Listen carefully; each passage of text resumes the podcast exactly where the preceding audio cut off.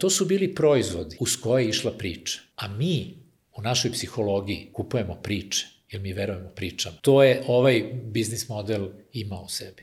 Naša ideja da će Top Shop da se okači na fenomenalni uspeh Kosmodiska se transformiše u to da se Kosmodisk kači na uspeh Top Shopa, tako da tako ta dva projekta nastavljaju da, da, da rade.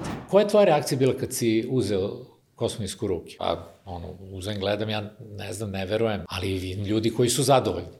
Pa dobro, kako ti izgledalo? Ti delalo ubedljivo? Nije. Pa to je i poenta Nije bitno kako izgleda, bitno je da li to radi ili ne.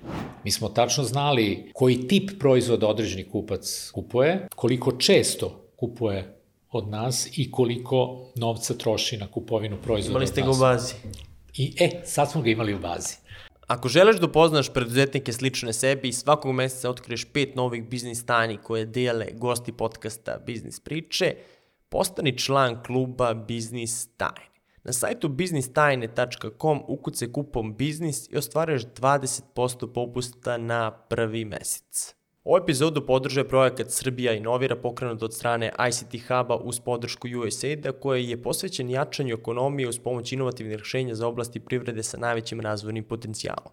Centralno mesto projekta je formiranje prvog superklastera u Srbiji, globalno potvrđenog biznis modela koji lokalnom okruženju daje rezultate pitanju je saradnja velikih kompanija, domaćih i stranih, startapa, raznih specializovanih kompanija, a uključuje i svet nauke i akademije. Cilj te saradnje je stvaranje većeg broja inovacija kako bi se napravila baza za dalji razvoj domaće privrede zasnovan na novim znanjima. Projekat je pokrenuo četiri super klastera. Za više informacije iz kojih su oblasti i kako možete se priključiti, posetite njihov web sajt i profile na mrežama. Neko skaliranje, dalje, dalje neki ono level up. Ako ćemo da krenemo. Prije za to. Apsolutno, da, da, da. Učite iz grešaka. Biznis priče. Dobrodošli u najgledaniji biznis podcast u regionu. Ja sam Vladimir Stanković. Danas u gostima imamo oca i majku TV prodaj na ovim prostorima. Čoveka koji stoji iza brendova za koje ne samo da ste čuli, već ste verovatno i koristili. U pitanju je Cosmodisk, Topshop, Studio Moderna, Delimano, Dormeo i na kraju Mokrin House. U pitanju je Bane Brkljač. Napokon, Bane, Baneta sam imao još u onoj prvoj verziji podcasta koji sam pokrenuo neuspešno, imao sam ga na spisku gostiju, rekao sam ovog čoveka želim da ugostim, evo ga posle koliko epizoda, Bane Brkljač u studiju. Bane, dobrodošao. Hvala, hvala ti na pozivu. Jesam propustio nešto u najavi? Pa mnogo toga si propustio, ali dobro, ali tu smo nadoknadit ćemo, nadoknadit ćemo. I nesuđeni pravnik. Ne, nesuđeni, suđeni. Ja sam diplomirao pravo, završio pravo i imao sam jednu značajnu karijeru kao pravnik koja je trajala šest meseci. Toliko od mene kao pravnika dosta. Pa šta se tu desilo? Kako nisi tu nastavio? To je zanimljiva priča. Da, to, to je duga priča, ali prvo da ono, komentarišem ovo otac i majka TV prode i tako. Uh, ajde sad da ne komentarišem to direktno, ali o, od kad se to dete rodilo, boga mi dete odraslo, osamostalilo se i krenulo samo u svet, tako da Sad Zvuči mogu, šašavo, ali... Ali deluje. Ali sad to mogu da gledam kako to dete raste iz daljine i ne znam šta će biti s njim. Ali mi niko više ni ne pita za to. To ćemo i do, do tog dela. Šta je bilo? Šest meseci si bio u toj karijeri pravnika, šta te omelo, šta te odvelo sa tog puta, skrenulo? Ja sam isto mislio da me omelo i odvelo, a u stvari posle se to ispostavilo kao dobra stvar. E, ja sam ti ono kao učenik i osnovne i srednje škole bio pravi štreber. Ono, i Vukovac, i najbolji đak i sve. I e, nisam imao kao druga deca u to, to doba ideju, pa mogu bi ovo, pa mogu bi ono i tako. Ja sam nekako od malih nogu znao da ću ja da budem pravnik, e, to me od uvek zanimalo, voleo sam ono, kad sam počeo da razumem i te neke serije, filmove, da gledam, to se sad zove core drama, ali to su te serije gde advokati brane nevino optužene ljude. Mm, kad sam ja to počeo da gledam, to je bila još crno-bela televizija, ali to sad nije bitno.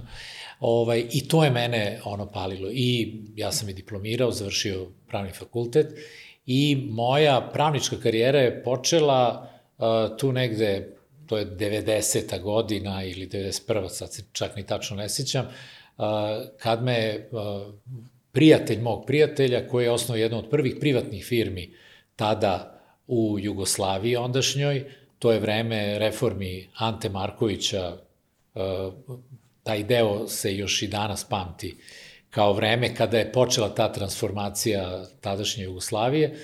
On je otvorio jednu od prvih privatnih firmi i mene je pozvao da budem ono, pravnik u njegovoj firmi. Jeste da to nije bio onaj advokatski posao da branim nevino optužene ljude, ali je bio pravnički posao i ja sam jako brzo ovaj, ušao u to. Uh, istina, to su bili ovi poslovni ugovori i tako, ali je firma jako brzo rasla i mene je to baš onako jako palilo i bio sam zadovoljan tim. I tu dolazi do momenta kada uh, dolazi do cele promene toga, znači ja sam se već primio u tom uh, i ono, video sam sebe da će ta korporacija da raste, da, da ću ja da rastem u karijeri u tome. I onda je uh, mene vlasnik ili kako se popularno kaže gazda pozvao i rekao a, Hajde da te zamolim jedno, nešto, e, ima jedan moj prijatelj, on ima neki poslovni projekat i zamolio me da se uključim u to. Ja nisam siguran da li to treba da ulazim ili ne, ali pošto smo prijatelji, ja sam tu subjektivan, ajde ti idi s njim razgovaraj, pa me zanima šta ti misliš. Bez obaveze nije tvoja odgovornost, samo da to čujem.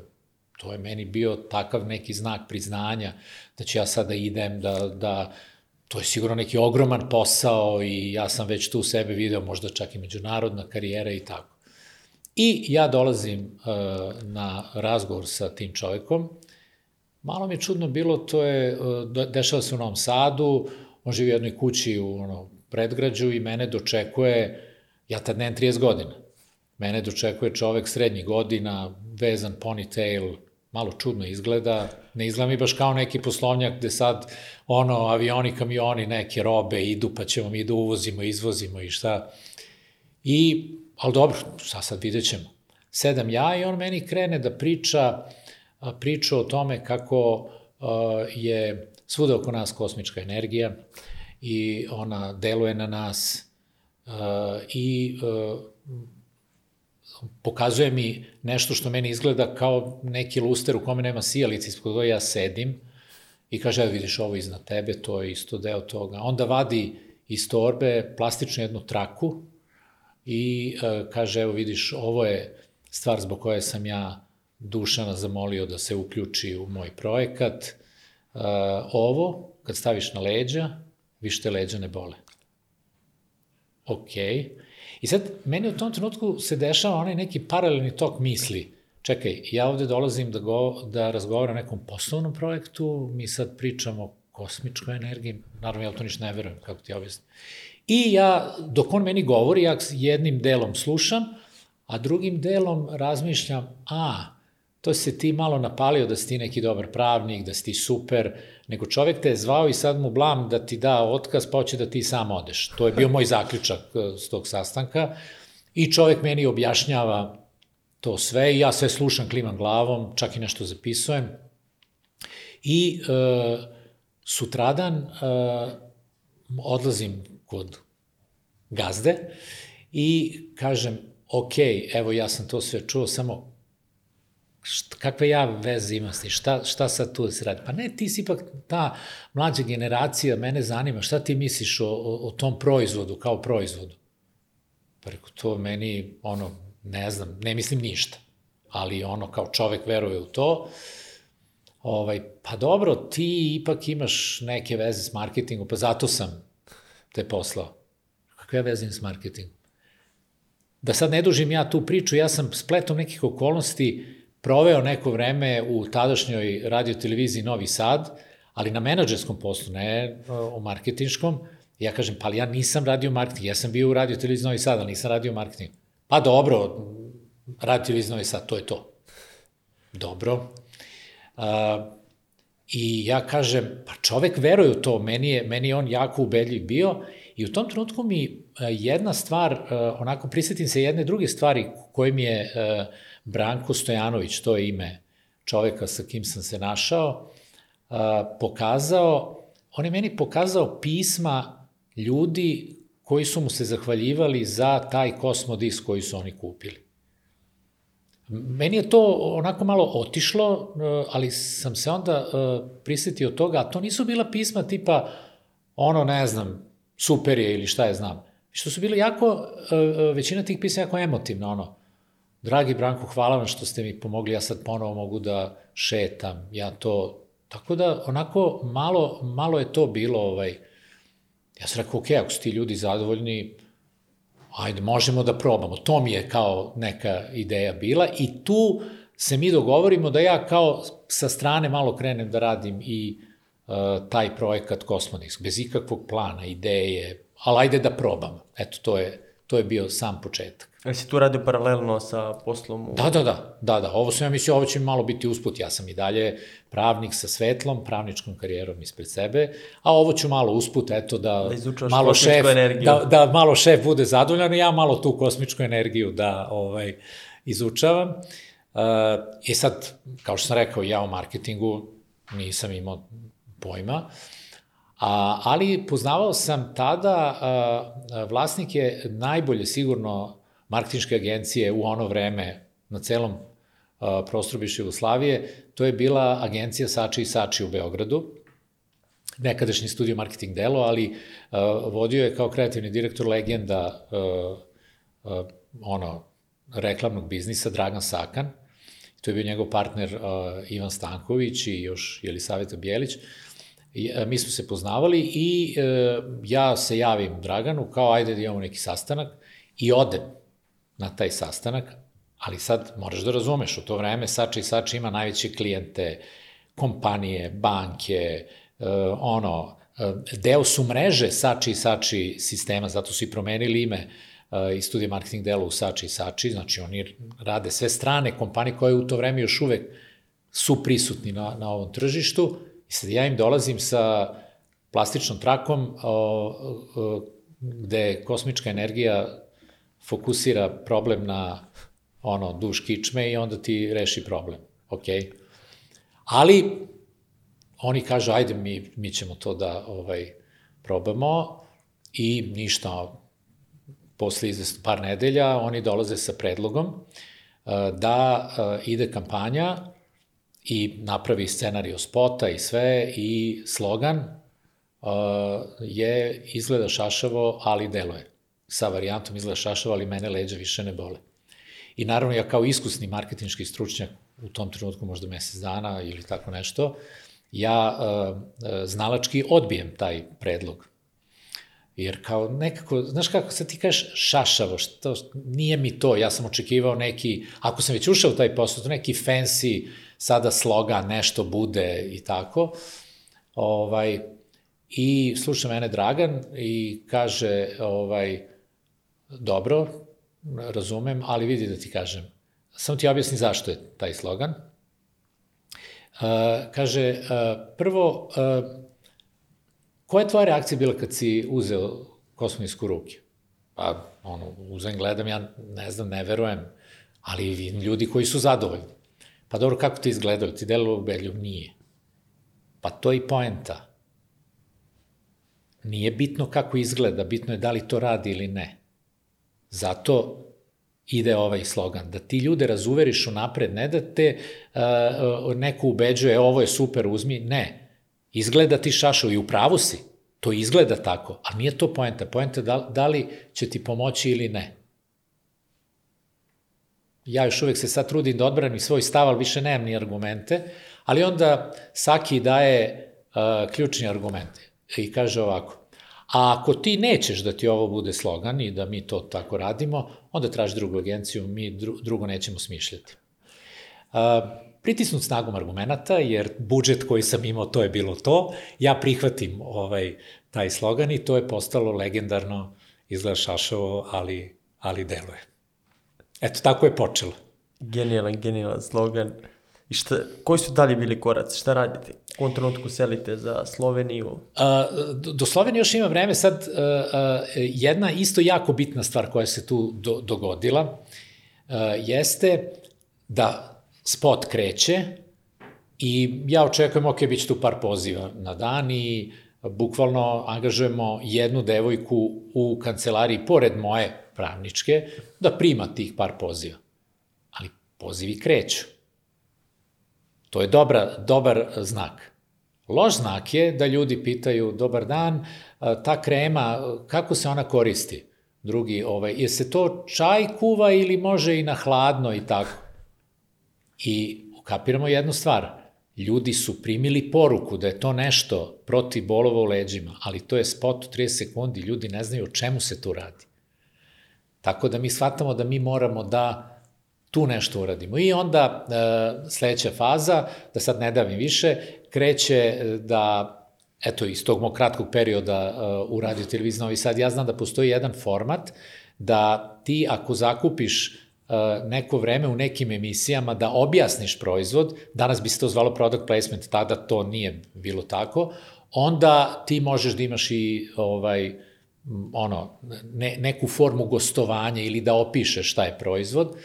I Branko Stojanović, koji je, nažalost, po, pokojni već sad je počeo da gostuje po tim emisijama i onda su ljudi shvatali o čemu se radi i nama je prodale, prodaja jako dobro krenula.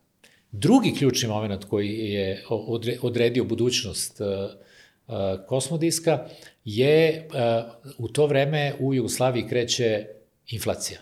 Ne inflacija, već hiperinflacija. A ti si u biznisu u kome ti prodaješ proizvod koji ti nekom pošalješ, pa ti on plati, pa ti dobiješ novac za nedelju dana, deset dana u ono vreme, nije bilo online. ovaj, tako da taj model više ne može ekonomski da funkcioniše. I mi onda prelazimo na u treću fazu da više se ne isplati oglašavati proizvod i mi počinjemo da radimo prezentacije kosmodiska uživo. Prvo krećemo Beograd, Novi Sad, da je najveće tržište, što znači ti zakupiš neki prostor, par sati i onda Branko je bio tamo, ja sam bio tamo da su ljudi dolazili, imaju šansu da probaju kosmodisk, da ovaj vide da li to radi i sede i pričaju i, i, i tako. I to je nama jako dobro funkcionisalo. Uh, I ali i to prosto nema scalability toliki, ti sad ne možeš uh, o, o Branko tome... na 500 mesta. Da, da, da. Tako smo mi bukvalno turneju imali po, po Srbiji sa tim, ali to nije, to nije moglo da se održi. Jedna uh, kratka intervencija samo pre toga, uh, kada je uh, Sači prihvatao ovaj projekat, uh, oni isto nisu verovali u teoriju o kosmičkoj energiji, pa je urađeno jedno istraživanje Uh, ovde u Beogradu na jednom institutu gde je profesorka koja je radila to istraživanje, Olga Popović, uh, na svojim pacijentima se bavila tim problemima, testirala kosmodiski i došla je sa zaključkom, ja ne mogu da objasnim kako ovo funkcioniše, ali to funkcioniše. Efektivnost delovanja kosmodiska je preko 80%. Ona je imala neku teoriju da e, špicevi tog kosmodiska blago masiraju područje duš kičme i da to funkcioniše. Ne znam, ali e, to, to je bila, evo, da kažem, jedna intervencija možda za, za ovo objašnjenje pre. Ali sad dolazimo, vraćamo se na ovu temu da jednostavno biznis nije bio održiv. I onda šta se dešava? Uh, ja sam od ranije imao do, dobrog prijatelja u Sloveniji, Mi sad, uh, jako je bitno taj vremens, vremenska dimenzija toga. Znači, ovo sve kreće 90. onda kreće 91. Zemlja se raspada, uh, Slovenija odlazi iz Jugoslavije, po, polako već i počinju ratovi.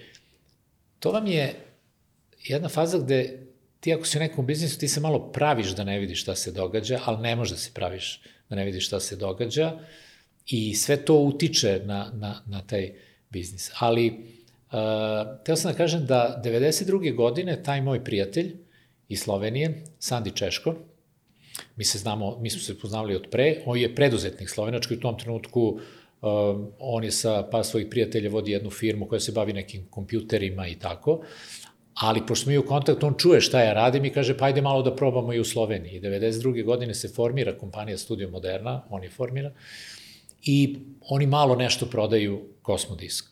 Ali nije, da li nije bitno. Izgleda šašavo, ali deluje. I kada ja vidim da ovde više nema prostora za razvoj biznisa, čak i moj osnovni posao u kompaniji u kojoj sam radio, u toj trgovačkoj firmi, pre prosto mora da, da se gasi biznis, jer zemlje pod sankcijama, više biznisa nema. A, početkom 1993. godine ja se sa Branislavom Stojanovićem i Dušanom dogovaram da jednostavno mi prava za prodaju kosmodiska prenesemo u Sloveniju i maja 93. ja odlazim u Sloveniju i sa idejom da probamo kosmodisk da razvijamo na nekom višem nivou u Sloveniji. Sa Sandijem se dogovaram da, eto, probamo par meseci pa ćemo videti. Tako sam 93. otišao u Sloveniju. I tu kreće skaliranje. I tu sad se menja ceo kontekst jedan. Znači ti odjednom imaš zemlju koja je ekonomski ono stabilna, ali ono ipak predvidljive e, ekonomske uslove imaš. Uh, imaš zemlju koja nije zatvorena i mi prvo stvarno uh, ja sam uh, ušao u tu priču i uh, prodaja kosmodiska uh, kreće na gore i mi sada krećemo da razmišljamo o novim tržištima. Slovenija je malo tržište, 2 miliona ljudi, ali mi možemo da radimo sada i međunarodno i e, neki logični iskorak su nam zemlje u neposrednom okruženju. Znači, krećemo u Hrvatskoj, pa onda u Makedoniji, i tako kosmodisk počinje se širi na, na druga tržišta. I taj posao dobro ide. Kampanja koju radimo nije izgleda šašavo ali deluje, ali slogan je bio kičma će vam biti zahvalna, ali ist, isti je model, znači imamo i televizijski spot, imamo svedočenja zadovoljnih korisnika, to je jako bitan element u, u razvoju uh, to kosmo diska, jer ti kad prodaješ nešto, ako ja hoću tebi nešto da prodam, pa ja ću sve da uradim da ti to kupiš od mene, je li tako? Ali, što bi ti to meni verovao? Ali ako ti vidiš zadovoljne korisnike, a imam, imali smo istu priču i u Sloveniji kao i u Srbiji, eh, onda ljudi prihvataju to i rađeno je još jedno kliničko ispitivanje eh, kosmodiska u Sloveniji koje je potvrdilo rezultate koliko je, koliko je, koje je doktorka Olga Popović imala uh, ovde, tako da je kosmijski registrovan i mi smo to uh, tako radili.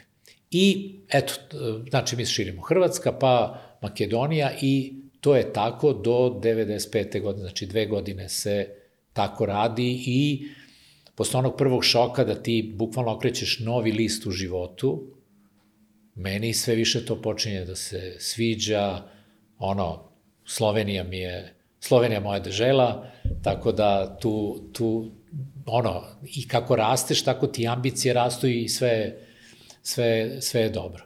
I onda dolazi sledeći jako bitan element, to je sad 1995. Ja sad ko neki vreme, prvo dogodilo se na današnji dan. Ja ali... se rodio tad. To e, je li tako? Evo, nije slučajno.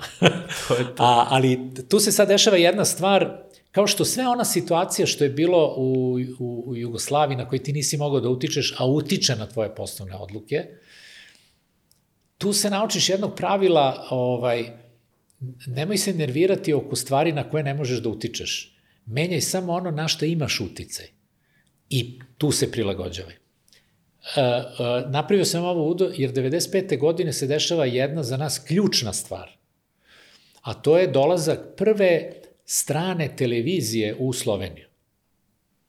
Uh, to je Pop TV koji formira američka kompanija Central Media Enterprises, koja celu strategiju ima da uh, otvara televizije u zemljama istočne i srednje Evrope.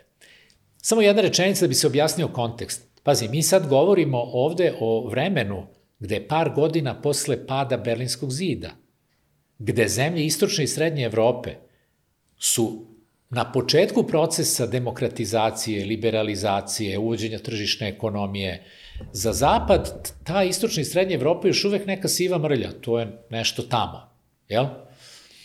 A, a ljudi u zemljama istočne i srednje Evrope ono žele da se što brže i što više približe zapadu, tako da postoji a, ta, taj proces kreće. I uh, ova američka kompanija pravilno shvata da ako uh, oni krenu sa, sa svojim televizijama koje otvaraju tim zemljama, to će biti gledano, jer to je sada američka televizija u nekoj Mađarskoj, Slovačkoj, Češkoj, Poljskoj, to je ono što se traži. Jedna od tih zemalja gde oni otvaraju je i Slovenija.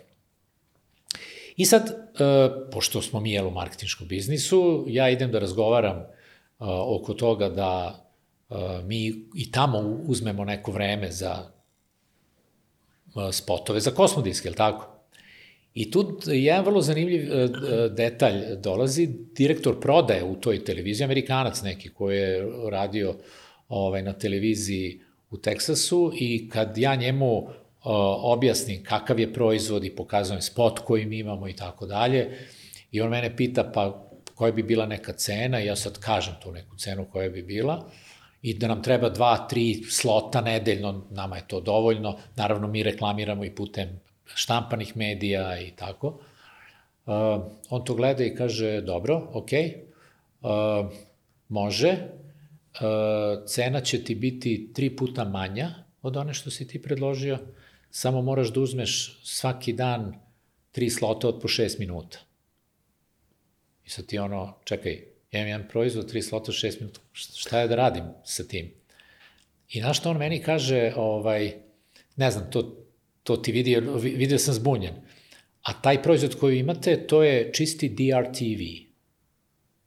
Naravno, nemam pojma šta je DRTV. Uh, pravim se prvo da znam, a pokušavam da ulovim šta to znači. I on se pravi onako blesav. Kako ste to mislili DRTV? On mi kaže Direct Response Television. Infomercials. Ok, sad, jednu reč sam razumeo, sad ima druga reč koju nisam razumeo. I da skratim, uh, on je čovjek radio jednoj manjoj televizijskoj stanici u Teksasu, a ovo je početak razvoja kablovskih televizija u Americi, pa i globalno, gde, za razliku od glavnih televizija, nema uh, uh, ograničenja koliko ti vremena možeš da posvetiš reklami. I onda je ceo biznis model TV prodaje, koji je počeo se razvija u Americi negde sredinom 80. godina, bio taj da ti onda imaš te proizvode koje direktno prodaješ putem infomercial, to je commercial, ali informativni commercial, tako? Uh, to je TV prodaja. Ja u tom trenutku od TV prodaji znam samo ono da je bio neki džirlo koji je prodavao ovaj, te takve proizvode. To je jedino što, što znamo, ali meni je to bilo potpuno ono... I preko toga, u stvari, mi dolazimo u kontakt sa uh, celom industrijom koja uh, je u Americi postojala, te TV prodaje i koja se već polako prošila u zapadnu Evropu. Uh, I onda dolazimo do sledeće ideje da, ok, ajde mi te proizvode koje nama nisu bitni, u koje ne verujemo, ovaj, ispunjavamo to vreme koje nam je Pop TV dao da bi mogli da prodajemo i dalje Kosmodis kao, kao glavni proizvod. I tako mi e, dolazimo u situaciju da krećemo sa projektom Topshop. Znači, to je drugi brend, tu imamo te proizvode. A te proizvode ste vi nalazili ili ste uzimali iz njihove baze? A, e ovako, e, e, viš šta ti je, sad znam da si rođen 95. jer ovo je sad generacijski ra, a, a, raskorak. Uzimati iz njihove baze, vidi, to ono vreme ne postoji, kako ti objasnim. iz... Iz baze, kakve baze? Nego ti, uh, Postoje, ja mislim možda i danas postoje, ja ne znam, uh, katalog časopis, ne, ne, naravno katalog, ali postojele novina Advertising Age, mislim da oni imaju website, ali da li imaju štampano izdanje, nisam siguran, i uh, mi, uh, mi smo naručeni bili na te novine i, i ja sam tamo stvarno video posle ovoga da postoji ta cela industrija i tako dalje i tu smo došli do nekih prvih kontakata uh, I prva firma s kojom smo napravili kontakt bio Interwood Marketing, to je kanadska u stvari firma, koja je krenula u međunarodnu ekspanziju. Jer za američke kompanije, u tom trenutku američko tržište je bilo manje više dovoljno. I uh, stupili smo u kontakt s njima putem faksa, da ti ne objašnjam šta je faks, ali zagooglaj pa ćeš videti, imaš u bazi, tako da ne brini. Ovaj, stupamo u kontakt s njima i uh, igrom slučaja se uh, dogodilo da dvoje ljudi koji rade na salesu u internet marketingu su dvoje ljudi iz Bosne koji su od rata pobegli u uh, Kanadu.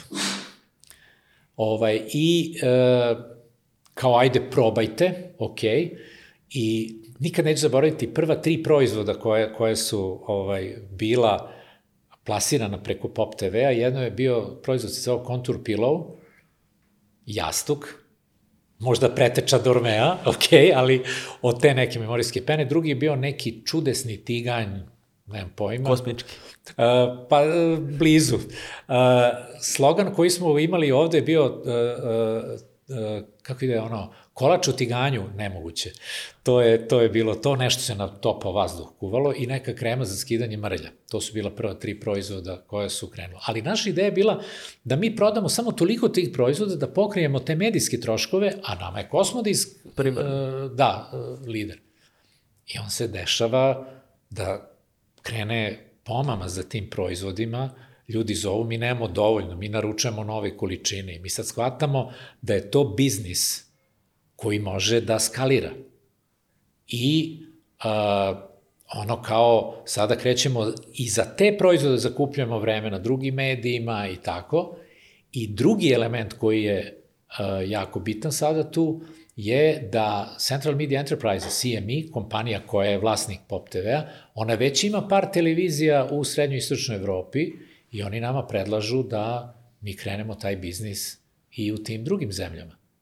I tako Top Shop počinje u Sloveniji i mi sada uh, izlazimo iz okvira granica bivše nam zemlje i idemo u srednju istočnu Evropu. I Studio Moderna se otvara, ne znam, Mađarska, Češka, Slovačka i onda kad, kad smo osvojili još tako par zemalja, onda nam nije više bilo potrebno da imamo konekcije sa Central Media Enterprises, već možemo da idemo i na, a kreću i druge uh, televizijske kompanije, nemački RTL, uh, ono, uh, francuski TF1, oni svi sad kreću da se šire u, u srednjoj istočnoj Evropi, nama to ide na ruku, a imamo i potrebu to da radimo zato što i za TV prodaju Slovenija premalo tržište.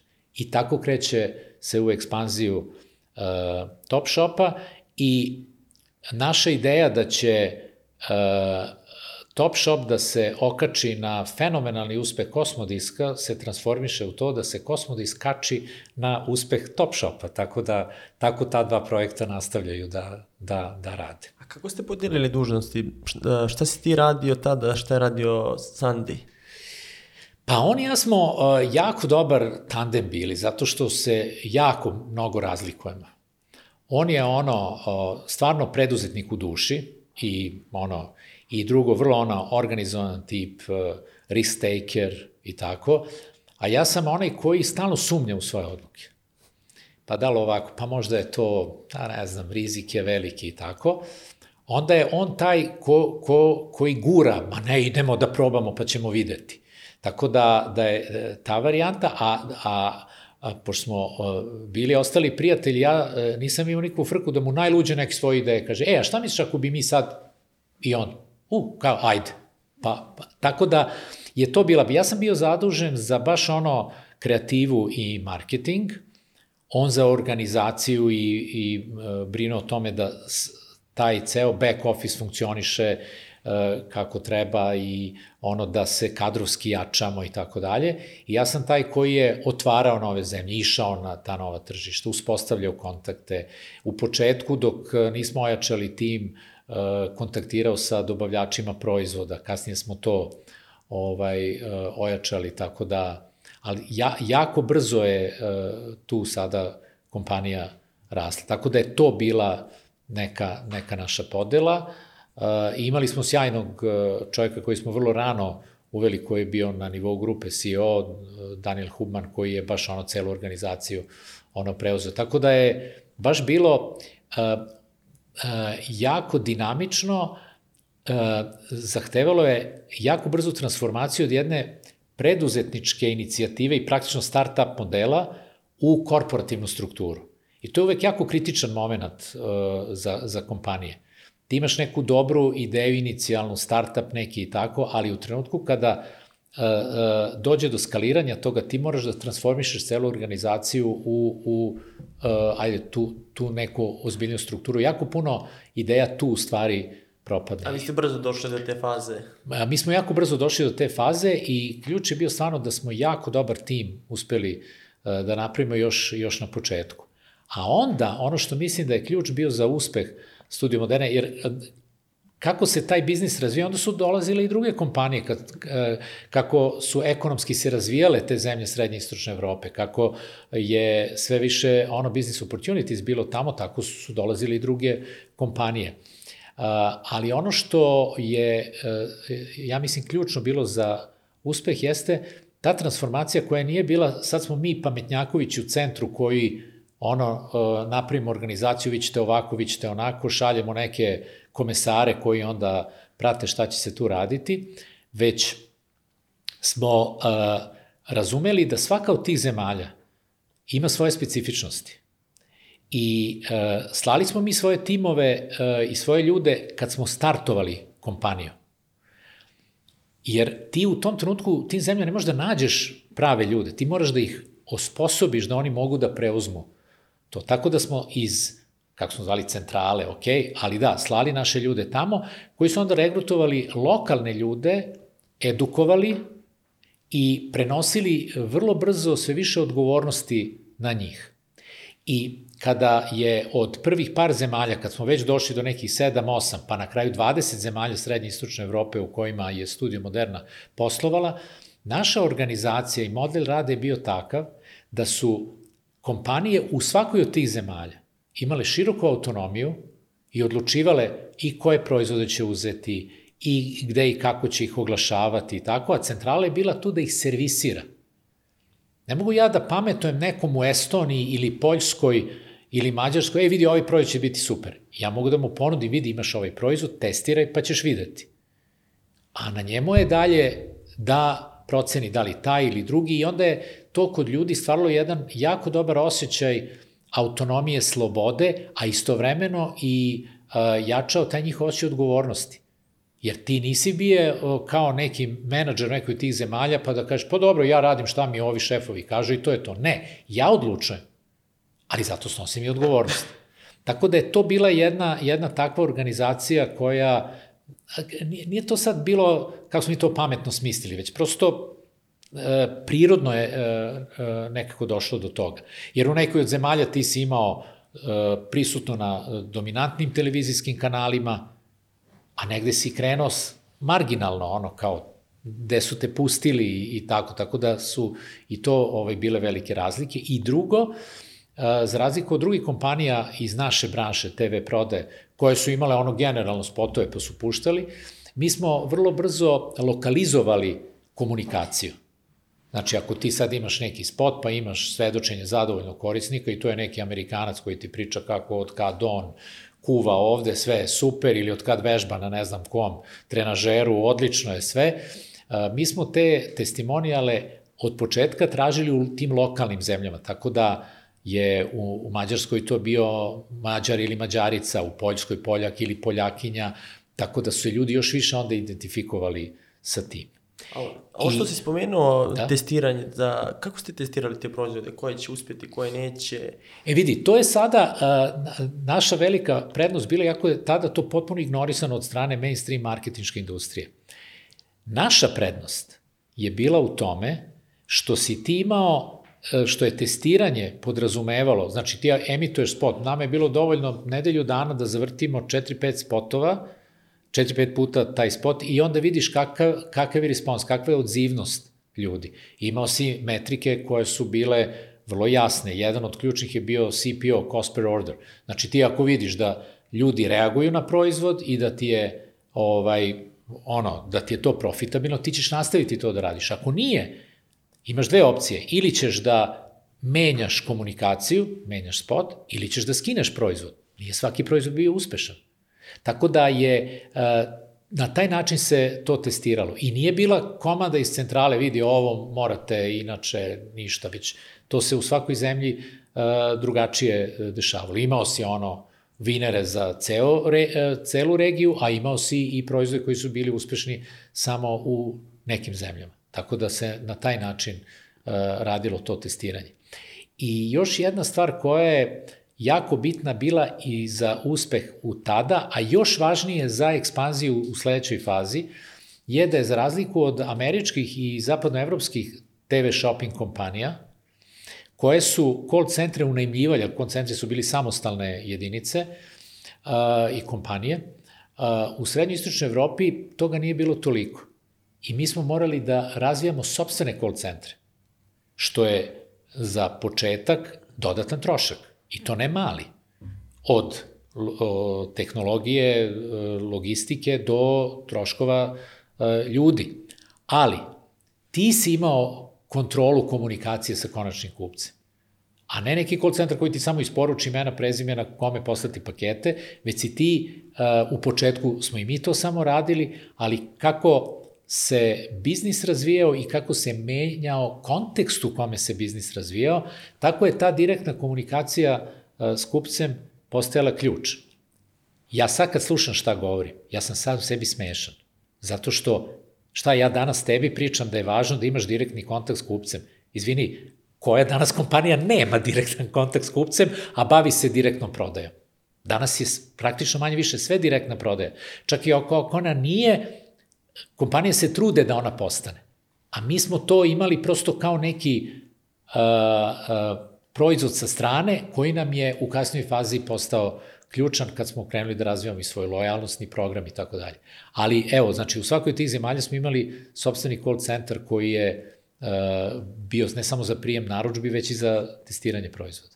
To me zanima, u kom trutku je taj call center počeo da nudi i da prodaje nove proizvode? Ok, imamo u sistemu korisnika i dobili smo novi proizvod. U kom trutku ste krenuli da nudite i te nove proizvode korisnicima? Uh, znaš kako, mi smo krenuli uh, praktično sa, tad nije to, nismo i to izmislili, to je postojalo, da a, mi smo ga samo prilagodili našim potrebama da razvijamo sobstveni lojalnostni program. Znači, mi smo tačno znali uh, uh, ono, koji tip proizvoda određeni kupac kupuje, koliko često kupuje od nas i koliko novca troši na kupovinu proizvoda Imali ste ga u bazi.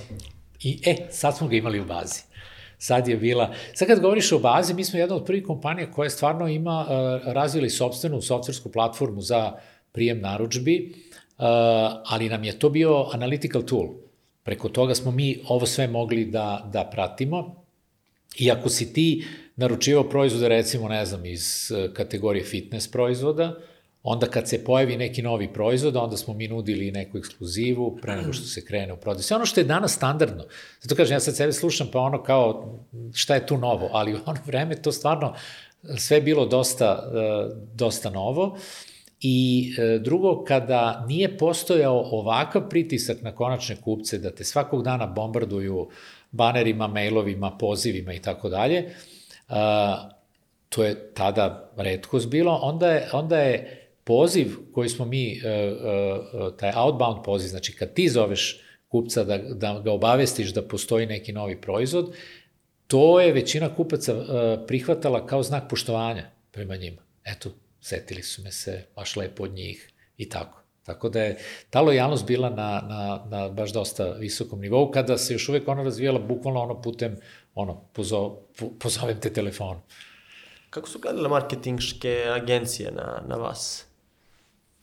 na vaše kampanje? Tu smo, tu, tu je bilo super zato što su nas marketinške agencije ignorisale. I to je najbolje što su mogli da urade za, za nas.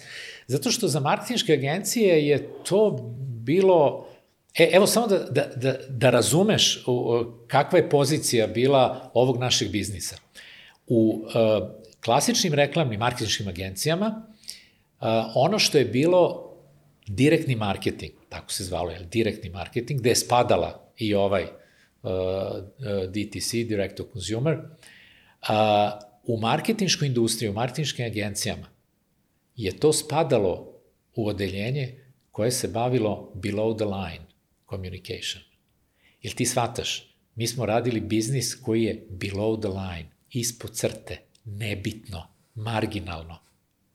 Samo ako moramo, to će. A above the line, to su bili fancy spotovi, ono, cool billboardi, Branding. uh, branding reklame, ko smisli bolji slogan i tako dalje. Tako da nas nisu marketinške agencije uopšte doživljavale kao problem, niti su nas medijske kuće, govorim sada, ajde, televizije, doživljavale, zato što su oni nama prodavali vreme koje njima marketinške agencije nisu kupovale. Ti nemaš TV prodaju u prime time, jer tu su razne Coca-Cola, Pepsi-Cola uh, i, i ovi fancy brendovi. Mi smo bili u, u ono, ujutru, kasno noću, popodne, kada ovi fancy brendovi se ne reklamiraju, jer jednostavno oni su gađali one slotove gde najviše ljudi to gleda, što je logično. A ne ovo gde, mislim, da li neko gleda ili ne gleda, to nije bitno. Tako da, smo mi bukvalno nebitni bili za, za tu industriju. A to rekao si za te termine, ko gleda u tom terminu, vaša ciljna grupa je bila na tom terminu i u tom terminu je gledala. Pa vidim, mi nismo imali drugi, drugi termin. Mi smo kasnije u nekoj, baš već ono kasnijoj fazi, kada smo sobstvene brendove razvijeli, kao što su Delimano Dormeo, onda smo imali i tu komunikaciju. I zato je naša ciljna publika uglavnom su bili stariji, ljudi koji nisu radili, dakle penzioneri i tako. I vrlo zanimljivo, jako, to smo radili i neke istraživanja, jako puno dece pamtilo te naše slogane, su i oni, ono, I, I sad bulje u ekrane i tad su buljili u ekrane samo što, ne, sad bulje u ekrane, a tad su buljili u ekran. E, okej. Okay. Ovaj, ali, kako ti kažem, onda, on, onda su deca to znala, to je onda uticalo i na roditelji, tak, tako da je bio to, to je neki misle. Uglavnom, to su bili, ovaj, ajde da kažem, neka srednja ili starija generacija, Uh, ali uh, to, to je bilo na ovim uh, mainstream televizijama, ali sa razvojem kablovskih kanala, mi sad pričamo samo o Top Shopu i to, ali za sve to vreme, to je ipak proces koji traje ono 15 godina, menja se tehnološki kontekst u kome se sve to dešava. Sa razvojem kabelskih televizija ti si sve poznatiji, sve prisutniji, jer kablovske televizije polako preuzimaju kolač gledanosti od ovih glavnih kanala kako sad zvuči smešno, sećaš li se vremena kad su postojale tri televizijska kanala? Ne, ne sećam se. Eto, tako da, da je na, na, na taj način, to, to je bila primarna ciljna grupa. I drugo, ono što je e, jako bitno tu bilo, a opet to su koreni nečega što je danas se malte ne podrazumeva kao normalno, ovaj, to su bili proizvodi koji u početku nisu mogli da se nađu nigde drugde nego samo na taj, kroz tu direktnu prodaju. Zato, ti, ja sad kažem koje smo mi proizvode imali. Pa da, imali smo tiganje, noževe, uh, sprave za vežbanje. Pa što da mi kažeš, pa čekaj, pa imaš u trgovini, kupiš i tiganje i nož i tako. Ali ovo su bili čudesni noževi, magični tiganji. Uh, što ću ja kažem? To su bili proizvodi uz koje je išla priča. A mi, u našoj psihologiji, mi kupujemo priče, jer mi verujemo pričama.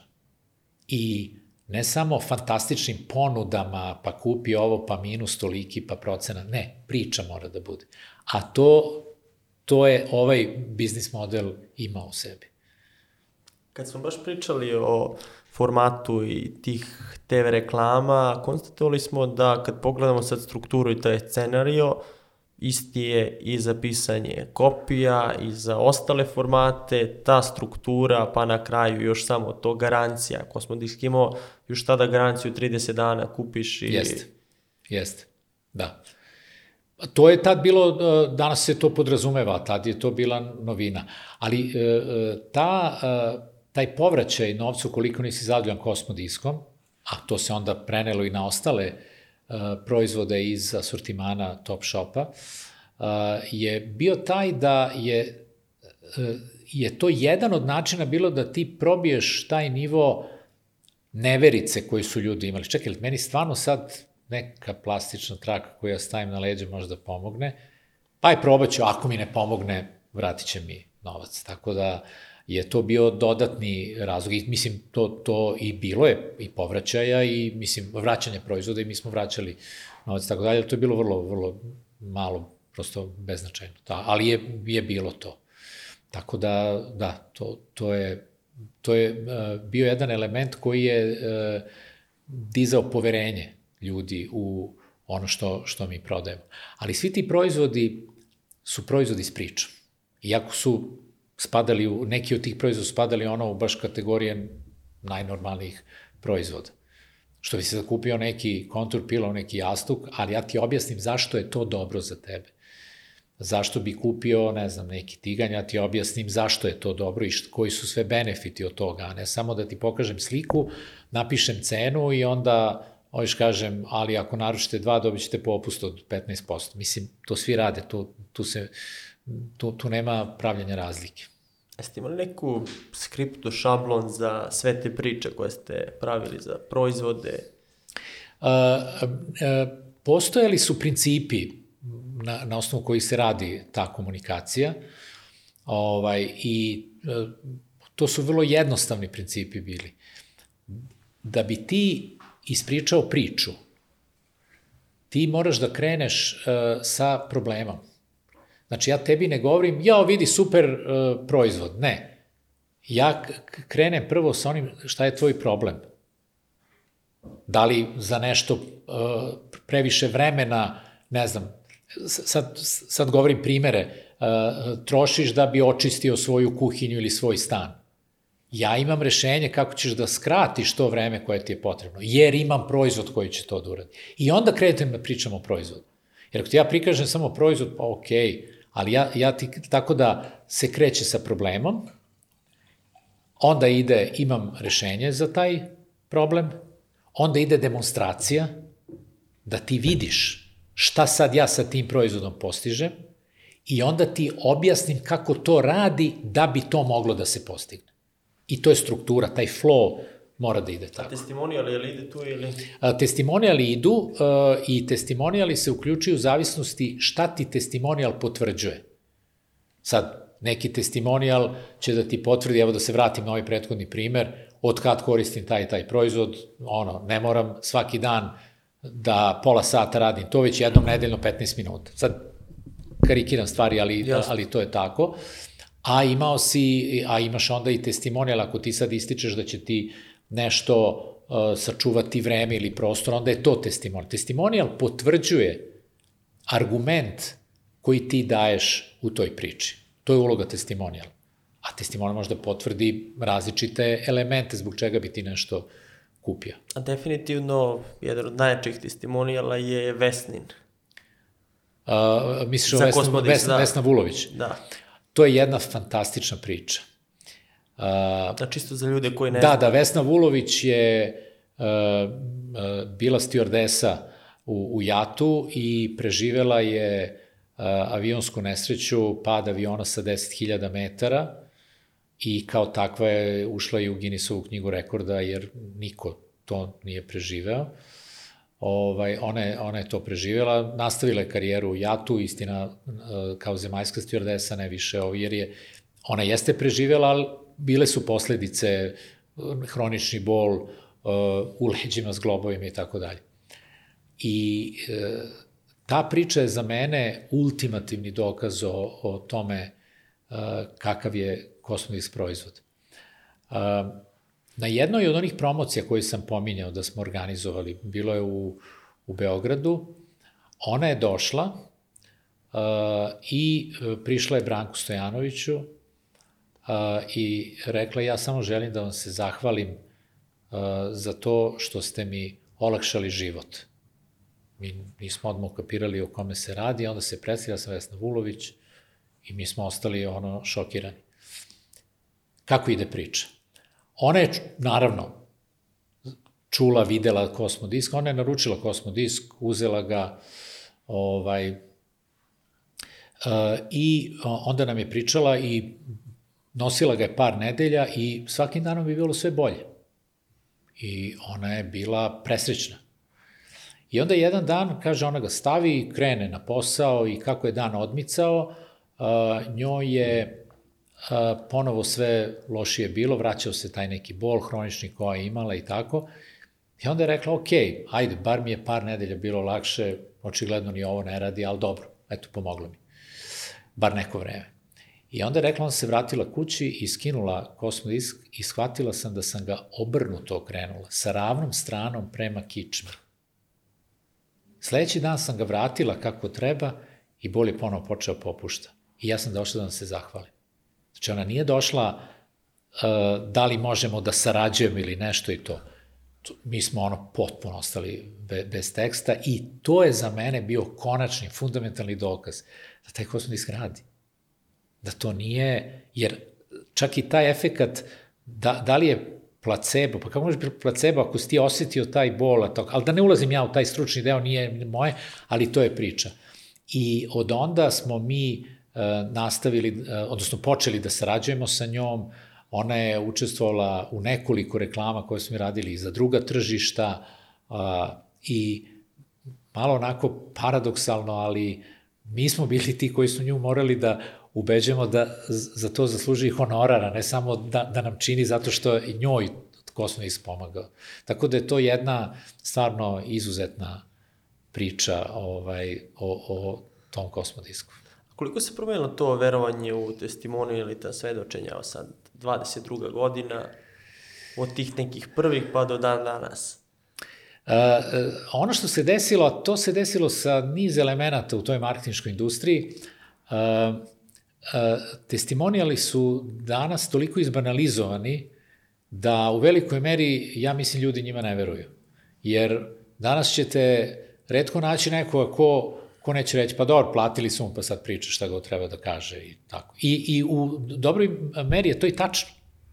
Tako da je prosto, imaš i glumljenih testimonijala, imaš i, mislim, ne kažem da nema pravih, ali nije e, lako, ajde da kažem, razlikovati. Tako da je i to izbanalizovano.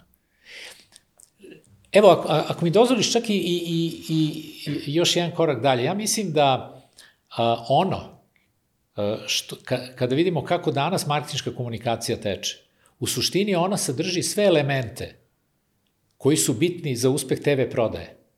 Danas je cela marketinška komunikacija velika TV prodaje samo što se odigrava kroz niz drugih ekrana i drugih uh, platformi. I kao takva, ovaj, o, ovo što nam je tehnologija donela, ona ne samo da vrlo uspešno uništava tradicionalnu marketinšku industriju, koja ja već mislim da ne postoji. Budućnost advertising agencija, reklamnih agencija ne postoji. Ok, sad znam da će ovi svi da vrisnu koji su u tom biznisu, ali nemam problem da to ponovim više puta. A, Principi TV prodaje su ugrađeni u današnju komunikaciju. Zbog toga ni TV prodaja nema budućnosti. Jer danas je taj model, ajde, upotrebiš TV prodaje, integrisana u svaku marketinšku komunikaciju, u svaki proizvod. Danas je komunikacija personalizovana na, na tom nivou da nema potrebe da postoji posrednik između onoga ko nudi proizvod i onoga koga konzumira. Ali to je sad jako velika tema. Šta je budućnost marketinških agencija i advertisinga? Uh, budućnost marketinške agencije je svetla jer oni tu budućnost nemaju. Dakle, to. Ovaj, uh, ono što sve više kompanija shvata, jer one ipak su u tome, da oni moraju da integrišu komunikaciju u svoje proizvode i to mora biti, oni ne mogu to više da outsourcuju uh, nekom posredniku u svetu limitiranog broja medijskih kanala je to bilo moguće i to je bilo ekonomski potpuno opravdano. Vratimo se na stari model reklamne agencije. Ti tamo imaš account team koji brine o klijentima, imaš kreativce. Evo, creative direktor neke advertising agencije. On danas rešava kreativni problem banke, sutra samoposluge, preko sutra automobila, a onda, ne znam, neki peti proizvod. Sad ti meni objasni u današnjem svetu kako neko je kreativan da zna kako komunicirati i kako prodati auto i kako prodati uh, kolače i kako prodati uh, travel arrangement. Nemoguće. Nemoguće zato što je uh, broj medijskih kanala neograničen. Mislim, svako od nas je medijski kanal.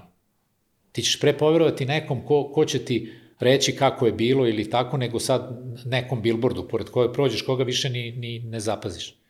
Tako da je ta komunikacija integrisana u proizvod, plus ona se sada mora dodatno personalizovati i prilagoditi uh, uh, krajnjem korisniku, a tehnologija nama to omogućava. Tvoje prethodno ponašanje je sada uh, stvar analitike nekog programa, robota i kako čak ne, ne treba postoji ni, ni, ni čovek za to.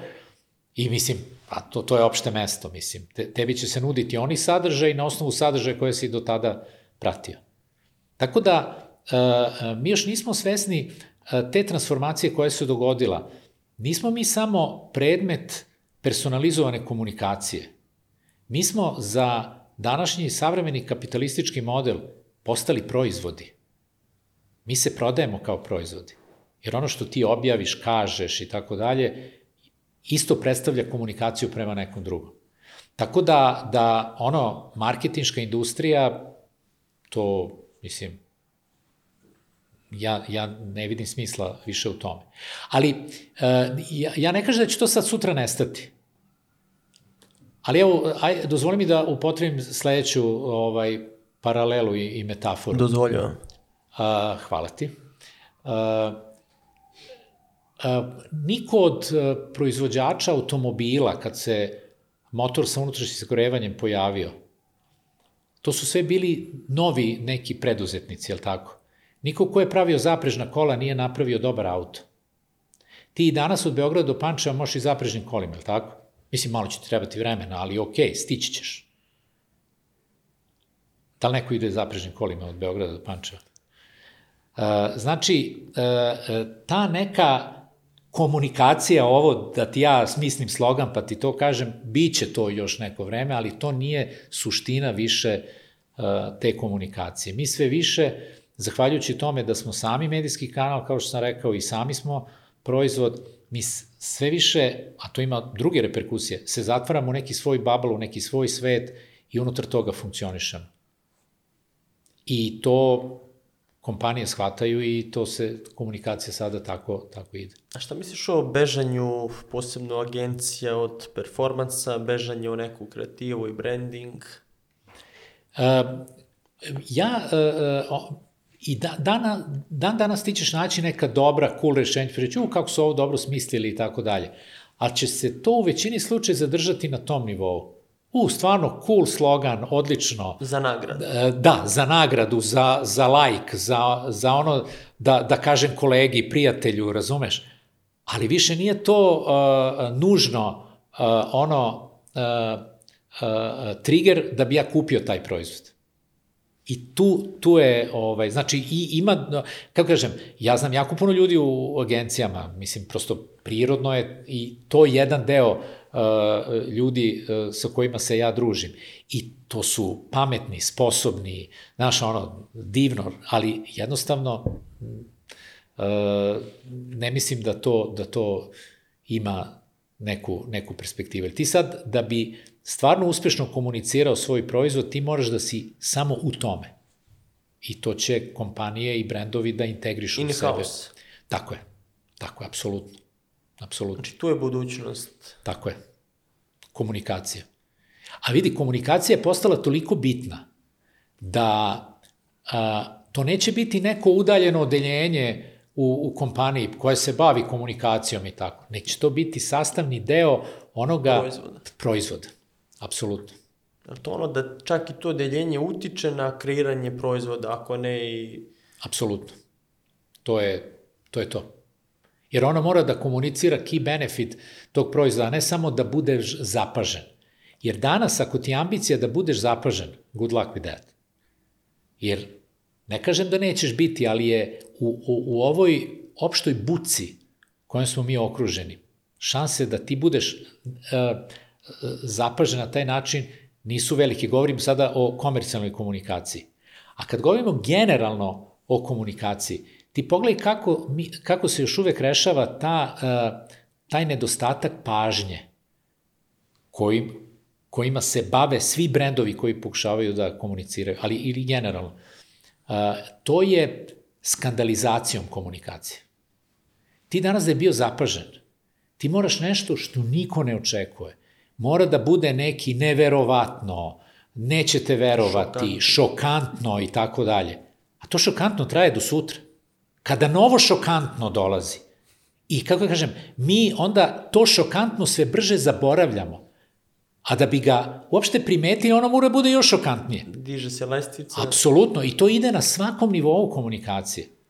Od ekonomske, političke i tako da je, sve, sve se to dešava. A prava strategija je graditi poverenje kroz komunikaciju. Paradoks je, nikad lakše i nikad brže nije bilo moguće iskomunicirati nešto. To, to sad može. A nikada duže nije trebalo da to ostavi e, trag, da, da, da se integriše u mene, da, da ja onda taj neki brand stvarno prihvatim kao svoj i ne zanima me da sad moram da gledam neku novu reklamu i tako dalje, zato što se izgradi to poverenje. A poverenje se ne može preko noći izgraditi, ono se preko noći može izgubiti, ali se ne može preko noći izgraditi. I tu sad mi imamo problem modela koji i dalje pokušava da vrišteći privuče pažnju i to će biti uspeh. I on možda može da privuče pažnju u, u, toj sekundi, u tom trenutku, ali to ne traje dugo. I to je sada a, taj paradoks. S jedne strane, sve više šokantnih informacija koje privlače pažnju i sve kraći taj period uh, uh, u, u kome je ta informacija relevantna. Ja sad, i kod video sadržaja imamo kraće forme, TikTok, Reels, koje traju po nekoliko sekundi i ljudi sa tog dugometražnog formata beže na taj... Tako je. Zato što nema pažnje i samo novo, novo, novo Pa da. Evo, gle, e, ja, ja čak od sebe, a, a ja sam čovek koji, ja nemam Facebook profil, nemam Instagram, eto, Twitter imam, ali ja u životu nisam napisao tweet, već ono neki put, pošto uh, uh, pišem neki blog, ne baš redovno, ali pišem, pa onda to objavim. Znači, ja, to, to je sve što imam. Ali ne zato što, uh, odmah se razumemo, ja to sad ne govorim, nemojte imati profile na društvenim, ne, to nije uh, razlog. Razlog zašto ja nemam Zašto se ja bojim samog sebe? Ja mislim da bi se primio ono kao magrac na to. Da me ne bi mogli odvojiti. I ja bukvalno iz tih ono a, a, a, razloga neću da uđem u to. Jer je jako, ono, ono što ti govoriš, jako je privlačno. Čak i taj Twitter neki put se ja zabodem, pa vidim, pa čekaj, e, čekaj, ajde, ajde sad oladi. A gledam još jednu stvar. Kad imam neki sadržaj kao uh, neki zanimljiv, aj recimo, business speech sa nekom fre... i vidim da to traje 30 minuta. Ok, aj pogledaj sutra. I ne pogledam nikad. A ovo što je 15 sekundi, minut, To mogu to mogu, to mogu odmah. Uđem u lup. Tako, i uđem u lup i to, i onda popodne zaboravim, sam ušao u neki drugi lup ili nešto, tako, tako da, da što je više e, te buke, to je površnija komunikacija i sve teže zadržati pažnju. I to je glavni izazov marketinške industrije. Misliš da će uspeti da se suoče i da... Teško. Da, e, ta struktura će se potpuno morati promeniti. Pa mislim, nije, nije ništa novo, prosto ona je bila primjerena jednom vremenu i to vreme sada prošlo. Znaš, te, tehnologija, a, kada dođe do tako radikalne promene u a, e, tehnološkom kontekstu u kojem mi živimo, onda dolazi do promene celokupnih sistema, i ekonomskih, i političkih, i globalnih, i, i to, smo, to smo imali. Ne znam, pronalazak parne mašine, industrijal, industrijski način proizvodnje srušio feudalizam i stvoren je kapitalizam. To je logično. Mi sad živimo u vremenu te tehnološke promene, koja se još uvek događa i vrlo je radikalna, a naš sistem je manje više uh, ostao nepromenjen. A to je jedna jako velika tema, ali, ali to je to. Mi živimo u vremenu znanja bez razumevanja. Mi se prilagođavamo tom vremenu, ali mi još ne razumemo sve konsekvence e, do kojih e, e, te promene dovode. Ali polako, to, to vama mladima ostavljamo. Da se borimo. Tako je. Zanima mi jedan deo vezan za studio modernu. U kom trutku ste počeli da izdvajate i da pravite posebne brendove poput Delimana, Dormea, ne znam koji je bio prvi, ali segmenti koji su počeli da grade sobstvene brendove? To je počelo se događa kada je već e, prisustvo Top Shopa bilo eto, u 20 zemalja i te zemlje ukupno čine tržište od 250 miliona stanovnika, e, gde e, je broj kupaca se već meri u, u, u ono stotinama hiljada, milionima, je li tako? I ti u tom trenutku već praktično imaš svoje tržište. To su ljudi koji znaju za tebe i tako. I onda a, smo a, izabrali dve kategorije proizvoda koje su bile najuspešnije i onda smo išli na jedan proizvod, to je Dormeo, to, to je ceo program proizvoda za spavanje, dušeci, jastuci, prekrivači i Delimano kao kuhinski taj proizvod, pri čemu Delimano ima tu posebnu tehnologiju da, da ne može da ti zagori ništa, da je, mislim, to nije ništa novo ili drugi proizvodi to imaju, ali tu onda možeš da razviješ lepezu uh, proizvoda, a kod Ormea je bila ta neka specifična tehnologija da jeste to memorijska pena, ali uh, postoje, rade se ti federi od te memorijske pene, to je jedan deo proizvoda i e, drugo da imaš isto to asortiman tih proizvoda i drugo, e, to su proizvodi koji su ono pogodni za porodice, i jedna i druga, nije samo za individualnu uh, upotrebu.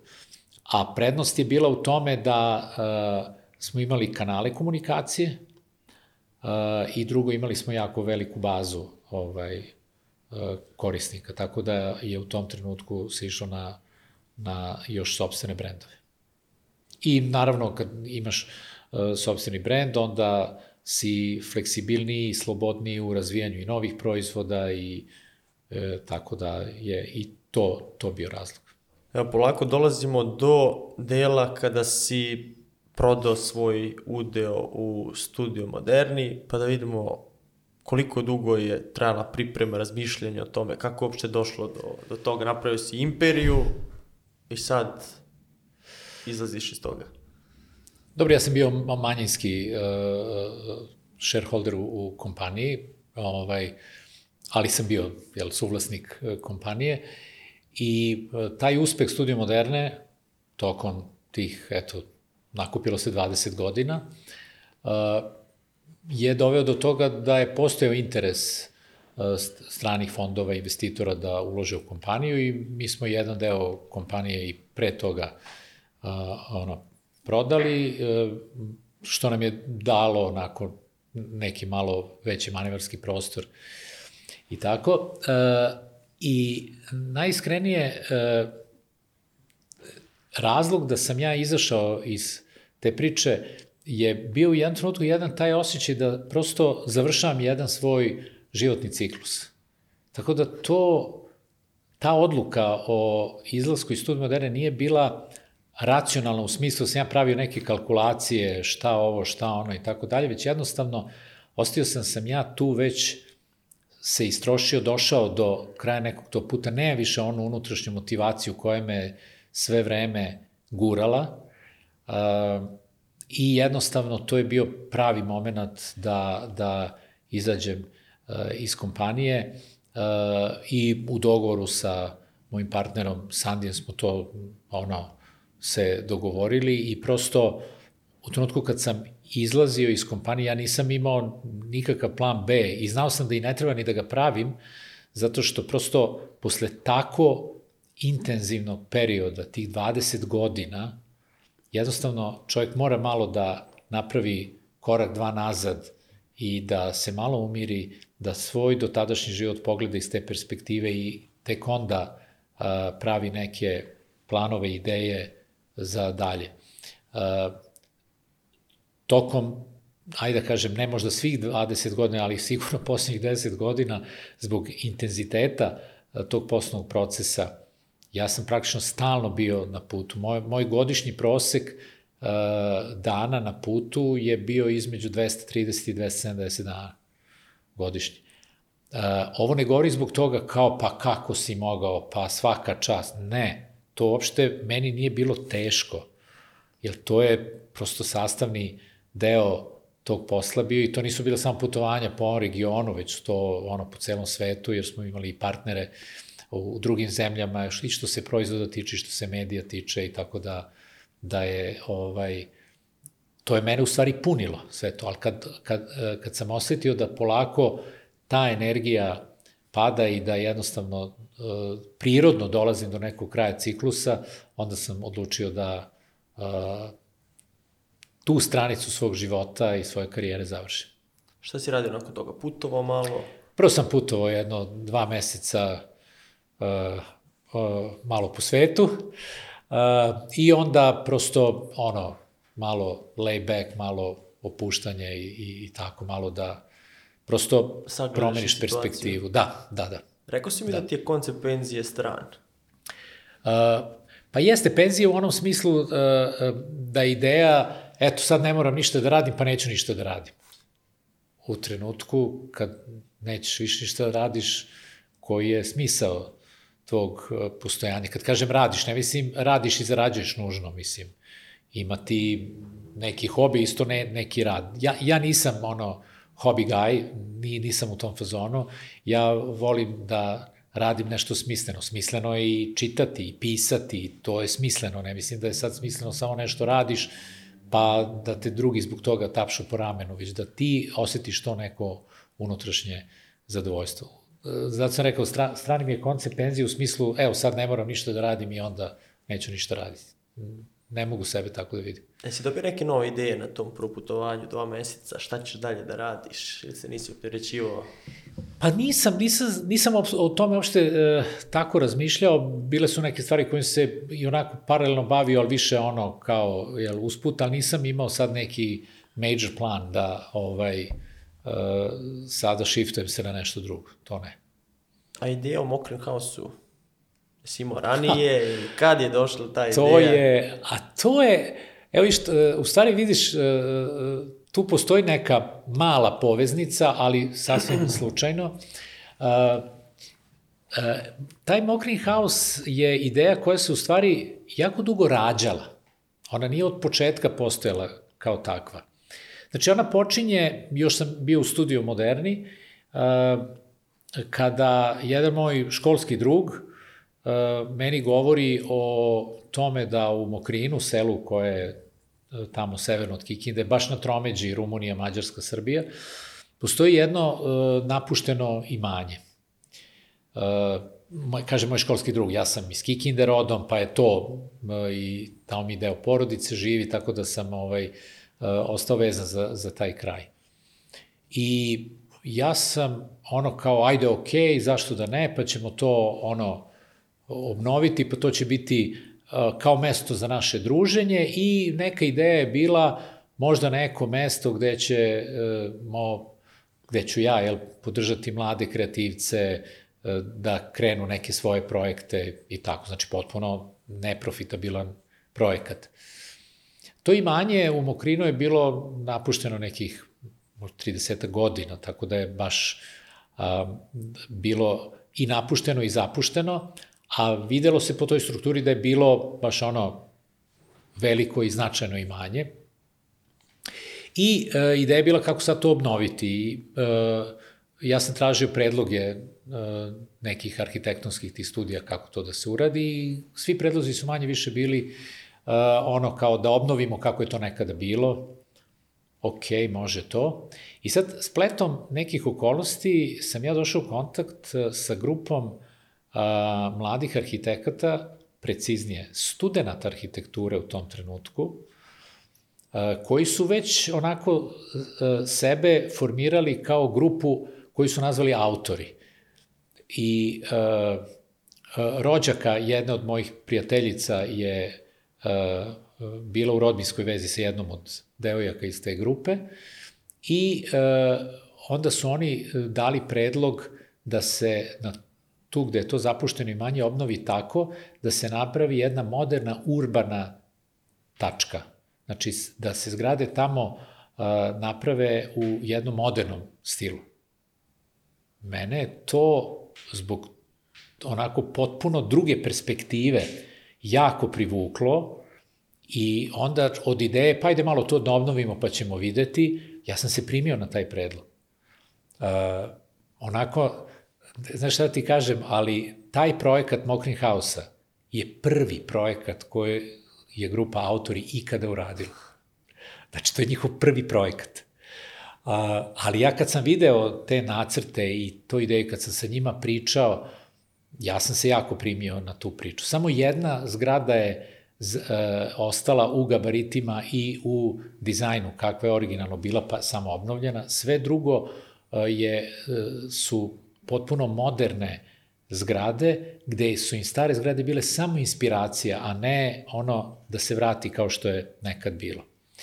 I tu je meni još više me to potaklo da idemo u pravcu toga da ako je to tako, ajmo sada napraviti stvarno taj paradoks da dalje razvijamo to do kraja, a taj paradoks je bio u tome da, eto, jedno umiruće selo, kao što je jako puno sela generalno, jer mi ipak živimo u, u vremenu te migracije ka, ka gradovima, mi napravimo kao urbanu tačku i privučimo neke mlade ljude za koje bi ono common sense bio pa oni će da idu u gradove i tako da, da tu neko vreme borave, stvaraju, kreiraju i tako dalje. I onda je, taj projekat je trajao par godina, jer je naša ideja bila kako se završi neka u zgrada, tamo je pet objekata na imanju, da mi vidimo kako će ljudi to prihvatiti, kako će funkcionisati u tom prostoru i da onda eventualno korigujemo dalje prostor. Tako da je to bio stvarno ongoing proces sve, sve, sve vreme.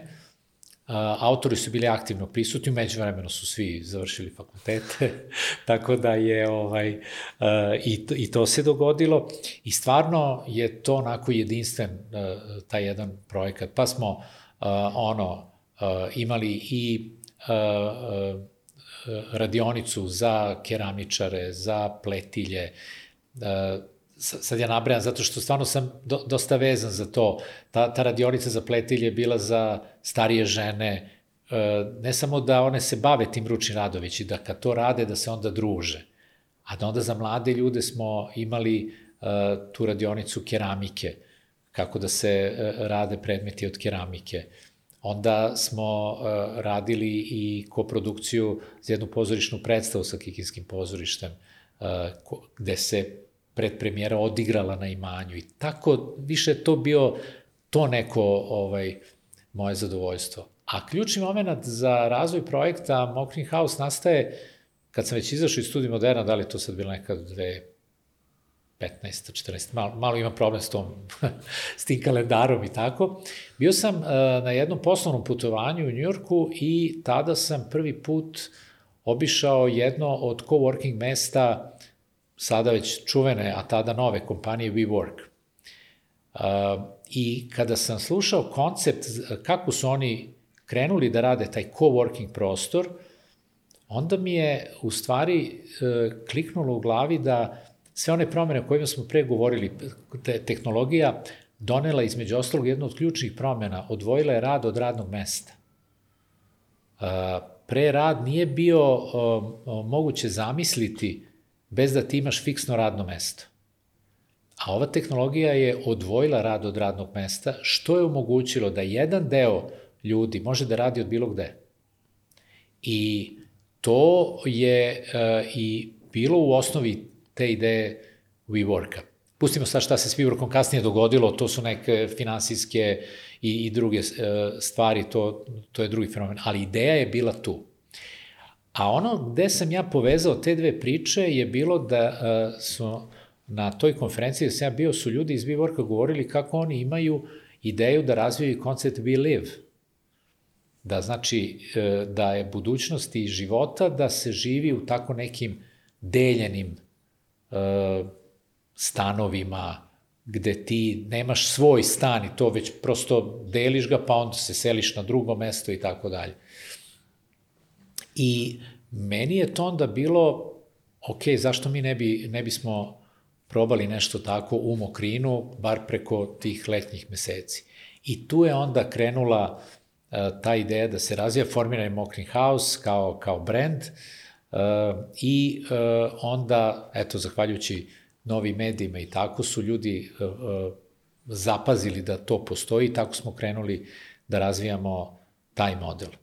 I ubrzo smo počeli, ubrzo su počeli da nam dolaze ljudi iz celog sveta, da tu borave neko vreme, od mesec dana, tri meseca, dve nedelje, I to su bili ljudi koji borave tu neko vreme i onda dalje idu i ovaj, rade. Ali to je jedna vrlo specifična zajednica, u to vreme dosta novo bilo, danas je to uh, puno prisutnije, ali je to, to bila glavna ideja. Možeš neku anegdotu iz... Ma, mislim, da anegdota ima... Hoćeš, ali... Ma, to je... Sad zamisli jedno umiruće selo, pazi, inače, Mokrin je u onoj Jugoslaviji bio najveće selo. Ono je imalo, Mokrin je imao preko 12.000 stanovnika, a selo. Danas Mokrin ima oko 5000 i dalje veliko, pazi, za jedno selo 5000 nije to malo, ali je uh, jako puno uh, napuštenih kuća, praznih kuća, ali ima nekog života, Mokrin još uvijek ima školu, što je velika stvar i tako. A da ti ne kažem, ono vreme u Mokrinu bila i, i uh, zatvoreni, zatvoreno tenisko igralište. Ozbiljno. U Mokrinu. Tako da to je jedno posebno ovaj, uh, selo i baš su onako I sad zamisli, prvo, evo, jedan detalj, kad je počelo da se, da se obnavlja to imanje, koje svi mokrinčani e, znaju. Inače, taj deo Banata je ravan, kao što je Banat je ravan, Vojvodina je ravna, Banat posebno, u Mokrinu, e, tu kuću e, su svi znali kao kuću na ravnom bregu. I sad, kakav breg tamo, ali ona otprilike malo je više od one e, e, Tako, tako da o, ta kuća ima tu priču od, od uvek. I uvek je ljude zanimalo šta se u toj kući dešava. I kad je počeo da se gradi jedan takav objekat, su ljudi gledali čak šta je ovo, ovo nije obnavljanje neke stare kuće, već onako e, nešto potpuno novo, onda su krenule priče po selu. Šta bi to moglo da bude? I priče su bile razne od toga da je to neka sekta uzela pa će tu da, da, da živi, to je bila jedna priča. Ovaj, Uh, onda druga je bila da se tu gradi veliko skladište i garaža za najmodernije kombajne koji će orati po celoj Vojvodini. To je bila druga priča. A meni najomiljenija priča koja se širila po selu je bila da će uh, da se tu gradi kuća velikog brata gde će se veliki brat snimati za celu Evropu. Tako da, Mokrinčani e, nemaju male ambicije kad je ne, ne, nešto tako u pitanju. Znači, prvo je to bilo, ok. E sad, kad su sad Mokrinčani videli da tu dolaze neki stranci i tako nešto, ovaj, onda je to o, izazvalo pažnju, ali su oni jako dobri domaćini, tako da se uvek, jel, nađu, nađu ljudima.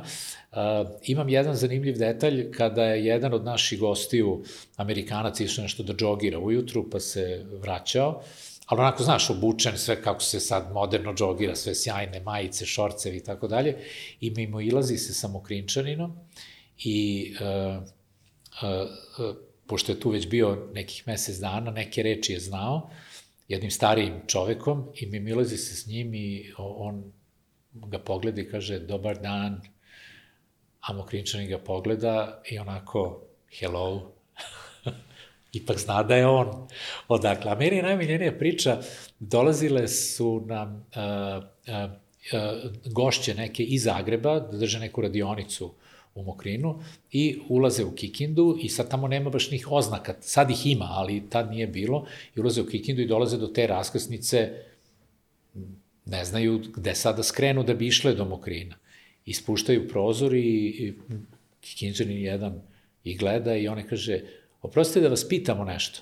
I čovek kaže ovako, e, ovde skrenete levo, druga ulica desno i onda tamo na semaforu levo i samo pravo ističete do Mokrina. Žena kaže, ja se izvijem, ali kako znate gde idemo? Ništa ne brini, vidio sam registraciju, jedino gde možda ideš je tamo. Tako to da, je to. to je to. Ali jedna a, priča koja nije vezana za, a, a, za a, Mokrin kao Mokrin, ali jeste, a, jedan od naših gostija Englez je u pitanju, a, da ti napravim kratak uvod. A, ja sam, a, kad sam izašao iz studiju moderni, kad smo mi počeli to da razvijamo, ja sam dosta vremena boravio u Mokrinu i koristio priliku da pričam s tim ljudima, da razgovaram. To meni je to jako inspirativno bilo i jako sam puno stvari i učio. Prosto razumeš te, te neke stvari. I uh, uh, dečko je bio Englez i on je na putu, putuje po svetu i radi i tako. I uh, ono, pričamo, ja kažem, dobro, kad si planirao se vratiš kući? A on me pogleda, kako misliš kući? Znao sam da je iz Nottingham, ili to mi je rekao, pa kad se vraćaš u Nottingham? Pa kaže, ne znam ni da li ću se vratiti, ni da li... Pa rekao, dobro, gde ti pripadaš, gde ti je kuća?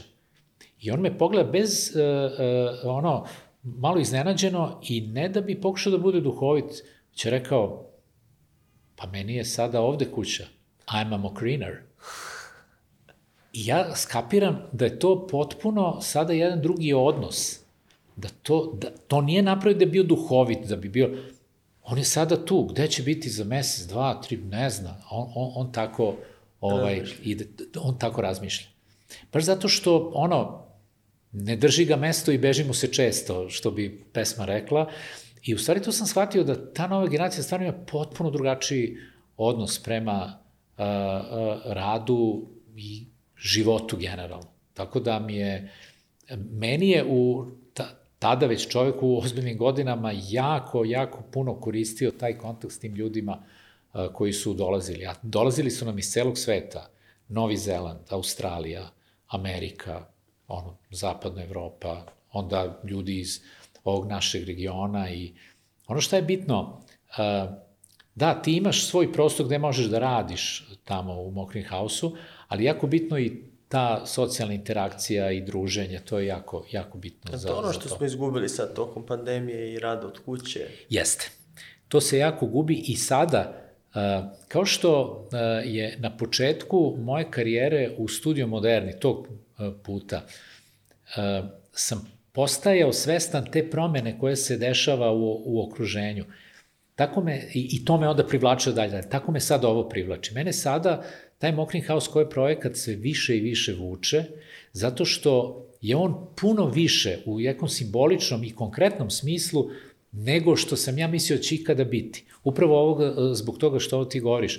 E, to, to se sada jako promenilo. Pandemija koronavirusa je samo ubrzala to i sada to još jasnije vidimo da, da, se, da se događa, da se e, s jedne strane gubi taj socijalni kontakt, a s druge strane se sada sve više insistira na tom modelu uh, work from anywhere, rad od, od bilo gde. Kuda to ide ne znamo još, ali činjenica da povratka na staro nema. Sve više kompanija uh, svojim zaposlenicima predlaže i sugeriše nemojte se vraćati u ofise, radite odakle god hoćete. Daćete od kuće, daćete iz kafića, daćete iz nekog coworking prostora, nam je sve jedno.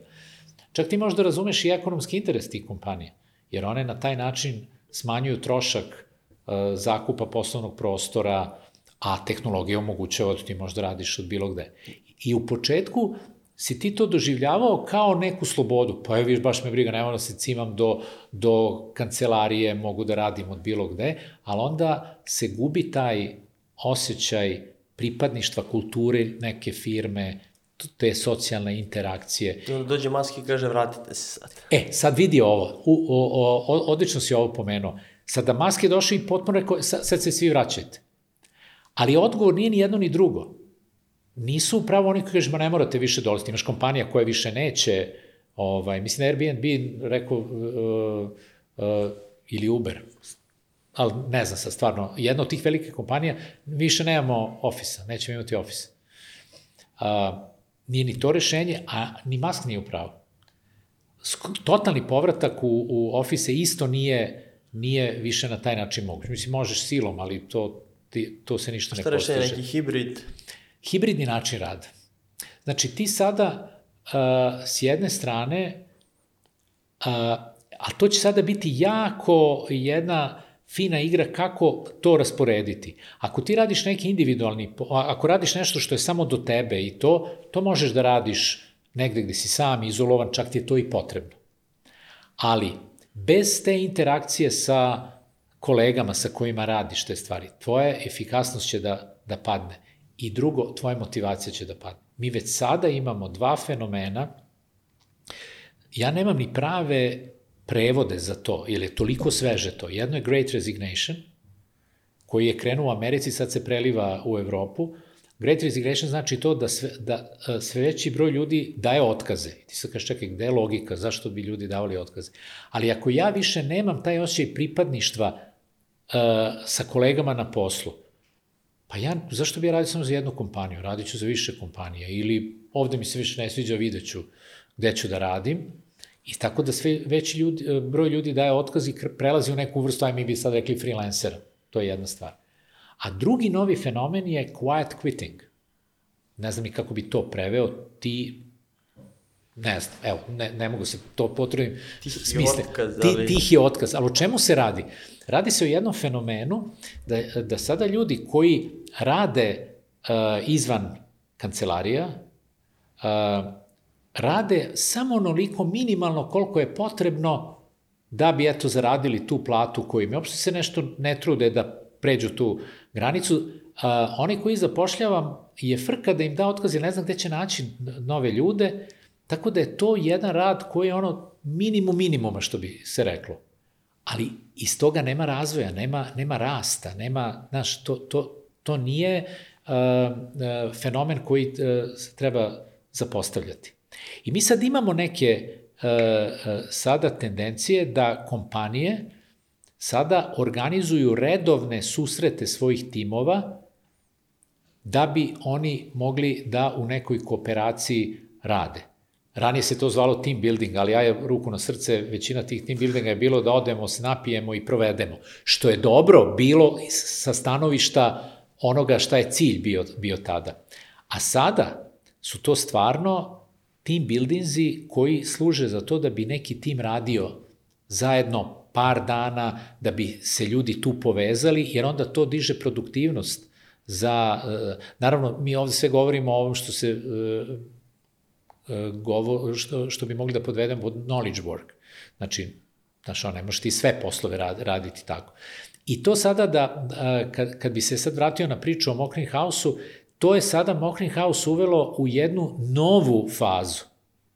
Znači, mi sada još zbog uvek iako je, ajde, nadajmo se, e, koronavirus epidemija prošla, mi imamo puno manje individualnih digitalnih nomada koji dolaze, digitalni nomadi su oni sebe tako nazivaju, jer su još uvek dosta restrikcije e, u putovanjima, a Mokri nije idealna lokacija jer je ono baš udaljen od, od svega.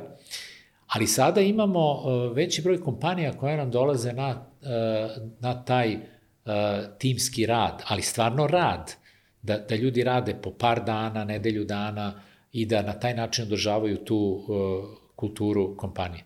Mi smo imali sad nedavno kompaniju koja je registrovana u Edimburgu, ali nemaju nigde kancelarije, nigde form, sedi, registrovani su u Edimburgu, ali nemaju tamo kancelarije. Uh, to je neka programerska firma, ne znam ni tačno čime se bave, ali imaju svoje zaposlenike Poljska, Slovačka, Australija, Amerika, Engleska i jednom u šest meseci se nalaze negde. I onda nedelju dana rade zajedno. Eto, to je jedan neki novi model uh, uh, uh, rada ko, koji se da ste mogli tu razvija. smestiti u krinu? Mogli smo da ih smestimo, mi imamo ograničene te neke kapacitete za neki 30 ljudi, ali je to optimalno zato što je taj zajednički prostor jako velik, od velikog dvorišta do zajedničkih prostora gde ljudi mogu da se druže, da borave i onda mi imamo i neke programe koje tu još organizujemo, ali fokus je, fokus je na, na radu.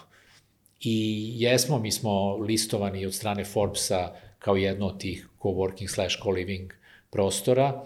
I ja mislim da, da to može biti za neke destinacije, da može biti dobro mesto za malu revitalizaciju života tu, jer mi imamo, i mi ipak zapošljavamo uh, lokalne ljude, mokrinčane u, u Mokrin hausu, uh, koristimo, uh, kupujemo lokalne proizvode za hranu i tako, imamo čak i svoje, uh, svoj, svoje bašte, odakle uh, uh, uzimamo proizvode od kojih se pravi ljudima hrana i tako dalje. Tako da, da je to I mene sada ponovo to baš onako jako motiviše i nalazim se u, u jednoj situaciji da u ovoj fazi svog profesionalnog i života uopšte ponovo učim. I to me jako, jako ispunjava. I zato stvarno mislim da je za mene u ovoj fazi najbolja definicija koju sam sebi dao u svom blogu, a to je iskusni početnik. Iskustvo imam, ponosan sam na njega, trudim se da me ono potiče na, na to da, da se dalje razvijam, a ne da me ograničava, ali de facto sam početnik. U ovome jesam, teši me malo to da smo svi početnici u tome, jer ovo je tek početna faza jedne tranzicije koja će a, duboko i korenito promeniti društvo u kojem živimo. Pričaš tranziciju ne samo na onom marketing planu, već na planu rada. Da, ne, ne, to je potpuno, to s marketingom čak nema nikakve da. veze, već je to promena koncepta i, načina rada.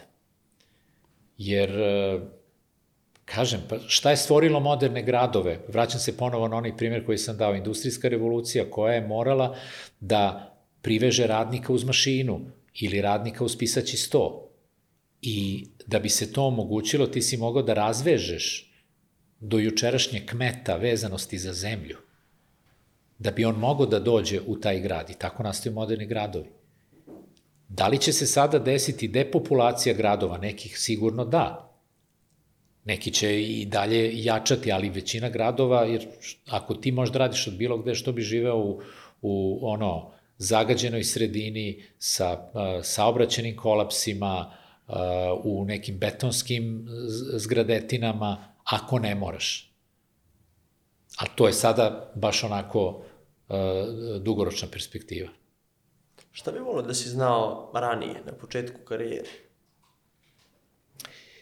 Pa bolje da, da, da ne znam šta nisam znao, jer bi me to samo, ono, ne znam, Šta bi volio da ti je neko rekao, da si imao mentora koji, šta bi ti ubrzalo tad? Uh, Ili možda preskočilo neke greške koje si pravio? U grešaka je bilo ovaj, nebrojeno, ali ja greške prihvatam uh, ono, i sad uh, reću nešto što je fraza iz grešaka se uči, mislim, to svi kažu, znaš, to, to je onako, ovaj, ali ne mislim na tako banalan način. Uh, vraćam se na ono, ako nešto pogrešiš, bitno je da shvatiš da si pogrešio uh, i uh, da onda to iskustvo uzmeš i ideš dalje. Ne da se trudiš da bi popravio grešku, jer to se dogodilo, to je završeno, ta priča je završena. I ne da bi opravdao sebe zašto si pogrešio. Mogu si pogrešiti iz sto razloga. Zato što nisi dobro video stvari ili zato što jednostavno si bio uh, arogantan pa nisi video te, te okoline oko tebe, tako da ovaj uh, ali evo ono što bi uh, drugačije uradio da mogu da vratim film, ali ne volim možete ni da razmišljam o tome zato što je to, znaš ono, to, to je onako malo besmisleno. Uh, ja mislim da smo mi mogli, govorim sad o studiju Moderni, da smo mogli brže da napravimo transformaciju ka online biznisu nego što smo je napravili. Iako smo krenuli u tom pravcu, ovaj, eto, to bi, to bi možda uh, drugačije uradio da mogu da vratim to vreme. Ali kažem ti, to je, e, više pokušavam da kažem, ok, ako je to tako, šta si iz toga naučio? Šta ćemo sad dalje?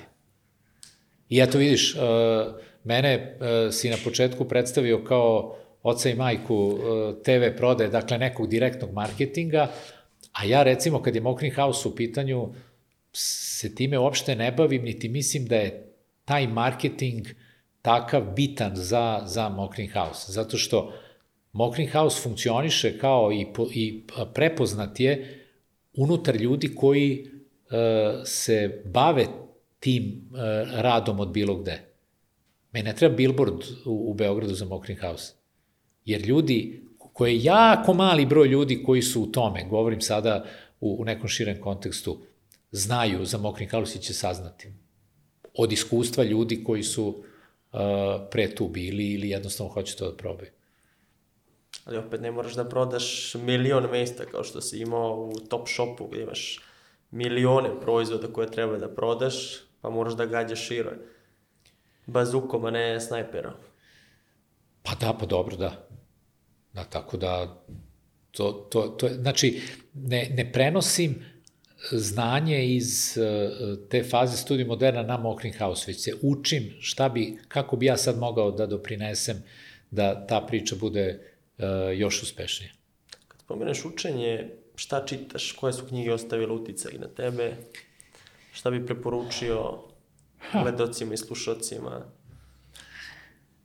Uf, to je sada jedno ovako uh, zanimljivo pitanje. E, znaš šta, knji, e, evo ja mogu da kažem neke knjige koje su na mene jako uticale.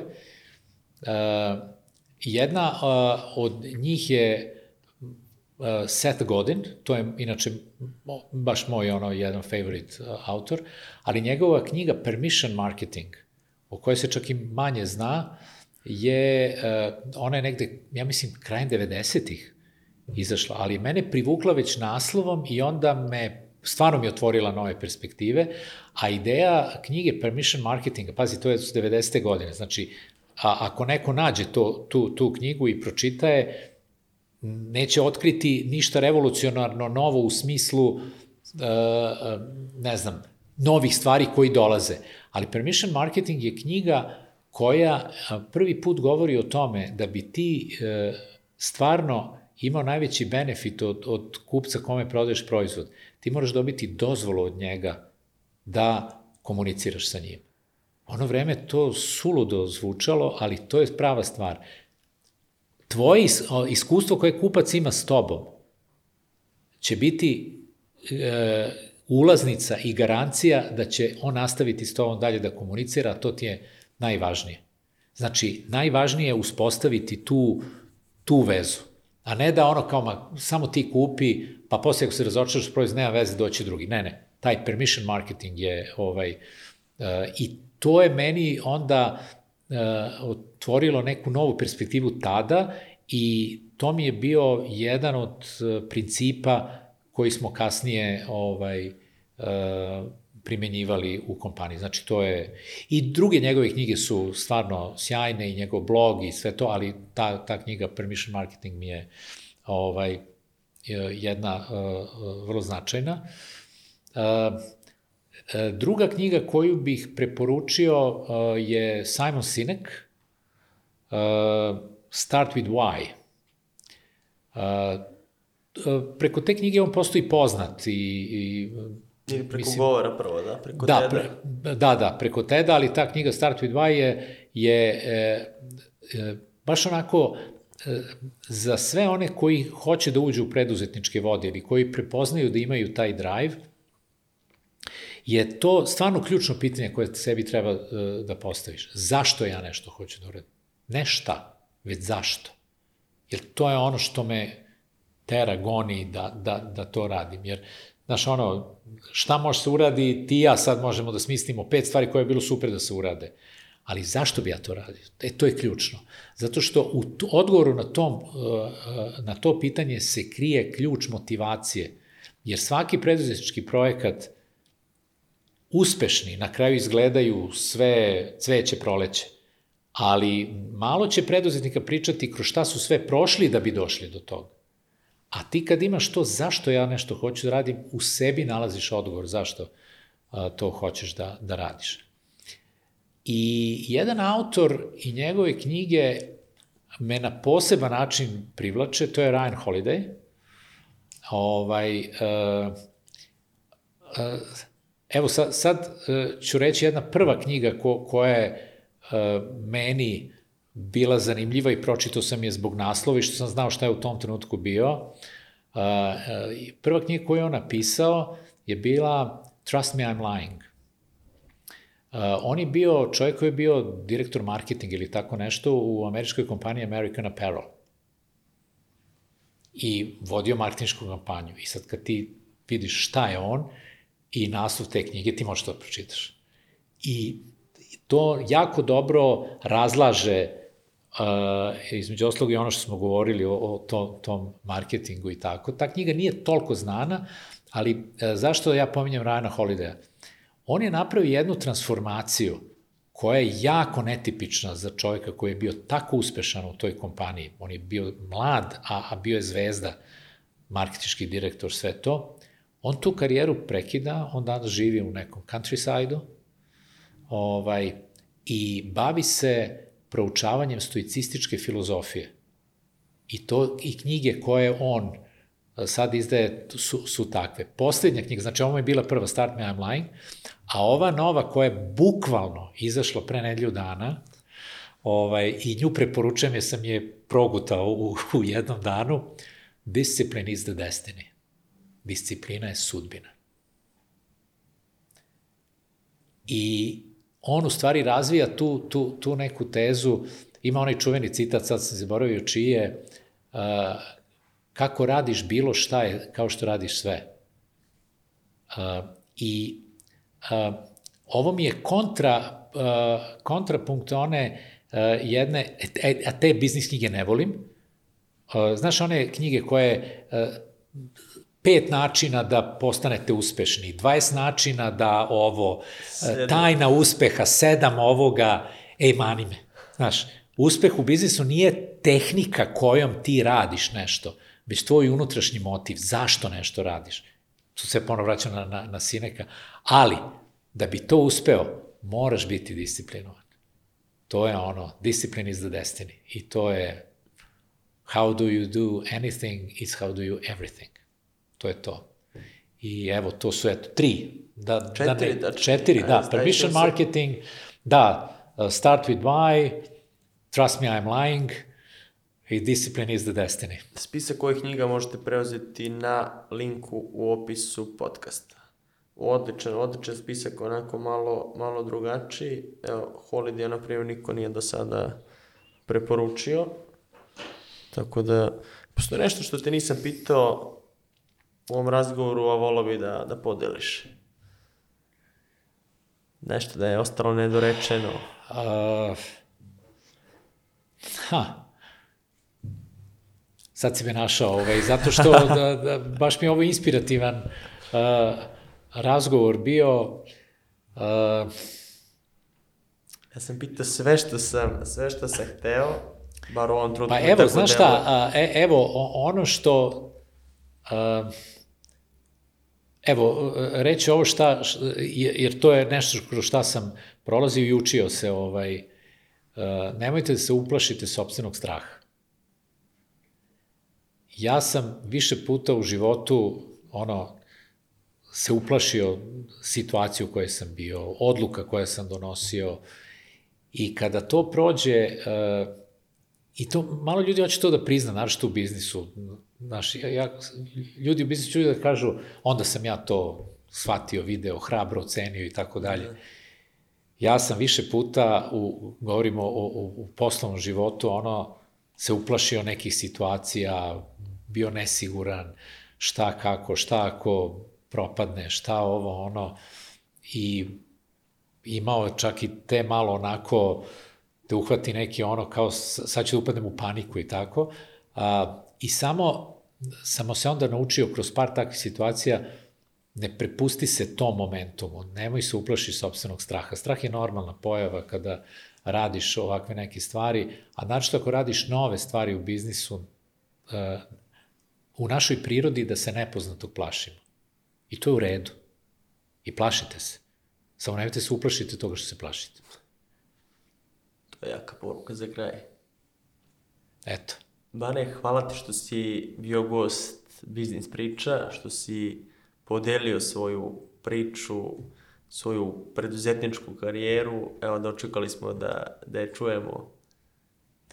Hvala ti, Vlado, da si me pozvao. Bilo je stvarno veliko zadovoljstvo i vrlo inspirativno.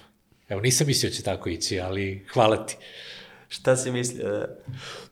Pa, pa ne, e, drago mi je bilo da si me pozvao. Ja želim da pričam ovu svoju priču, ne e, zato što je samo ta priča vredna da se ispriča, već zato što se nadam da će neki od vaših gledalaca, slušalaca prepoznati sebe malo u tome i, i to mi je ono glavni motiv, ali baš je nekako, nisam imao ideju šta ću sve da kažem Eto, tako da mi je to najveći, ono, najveće zadovoljstvo.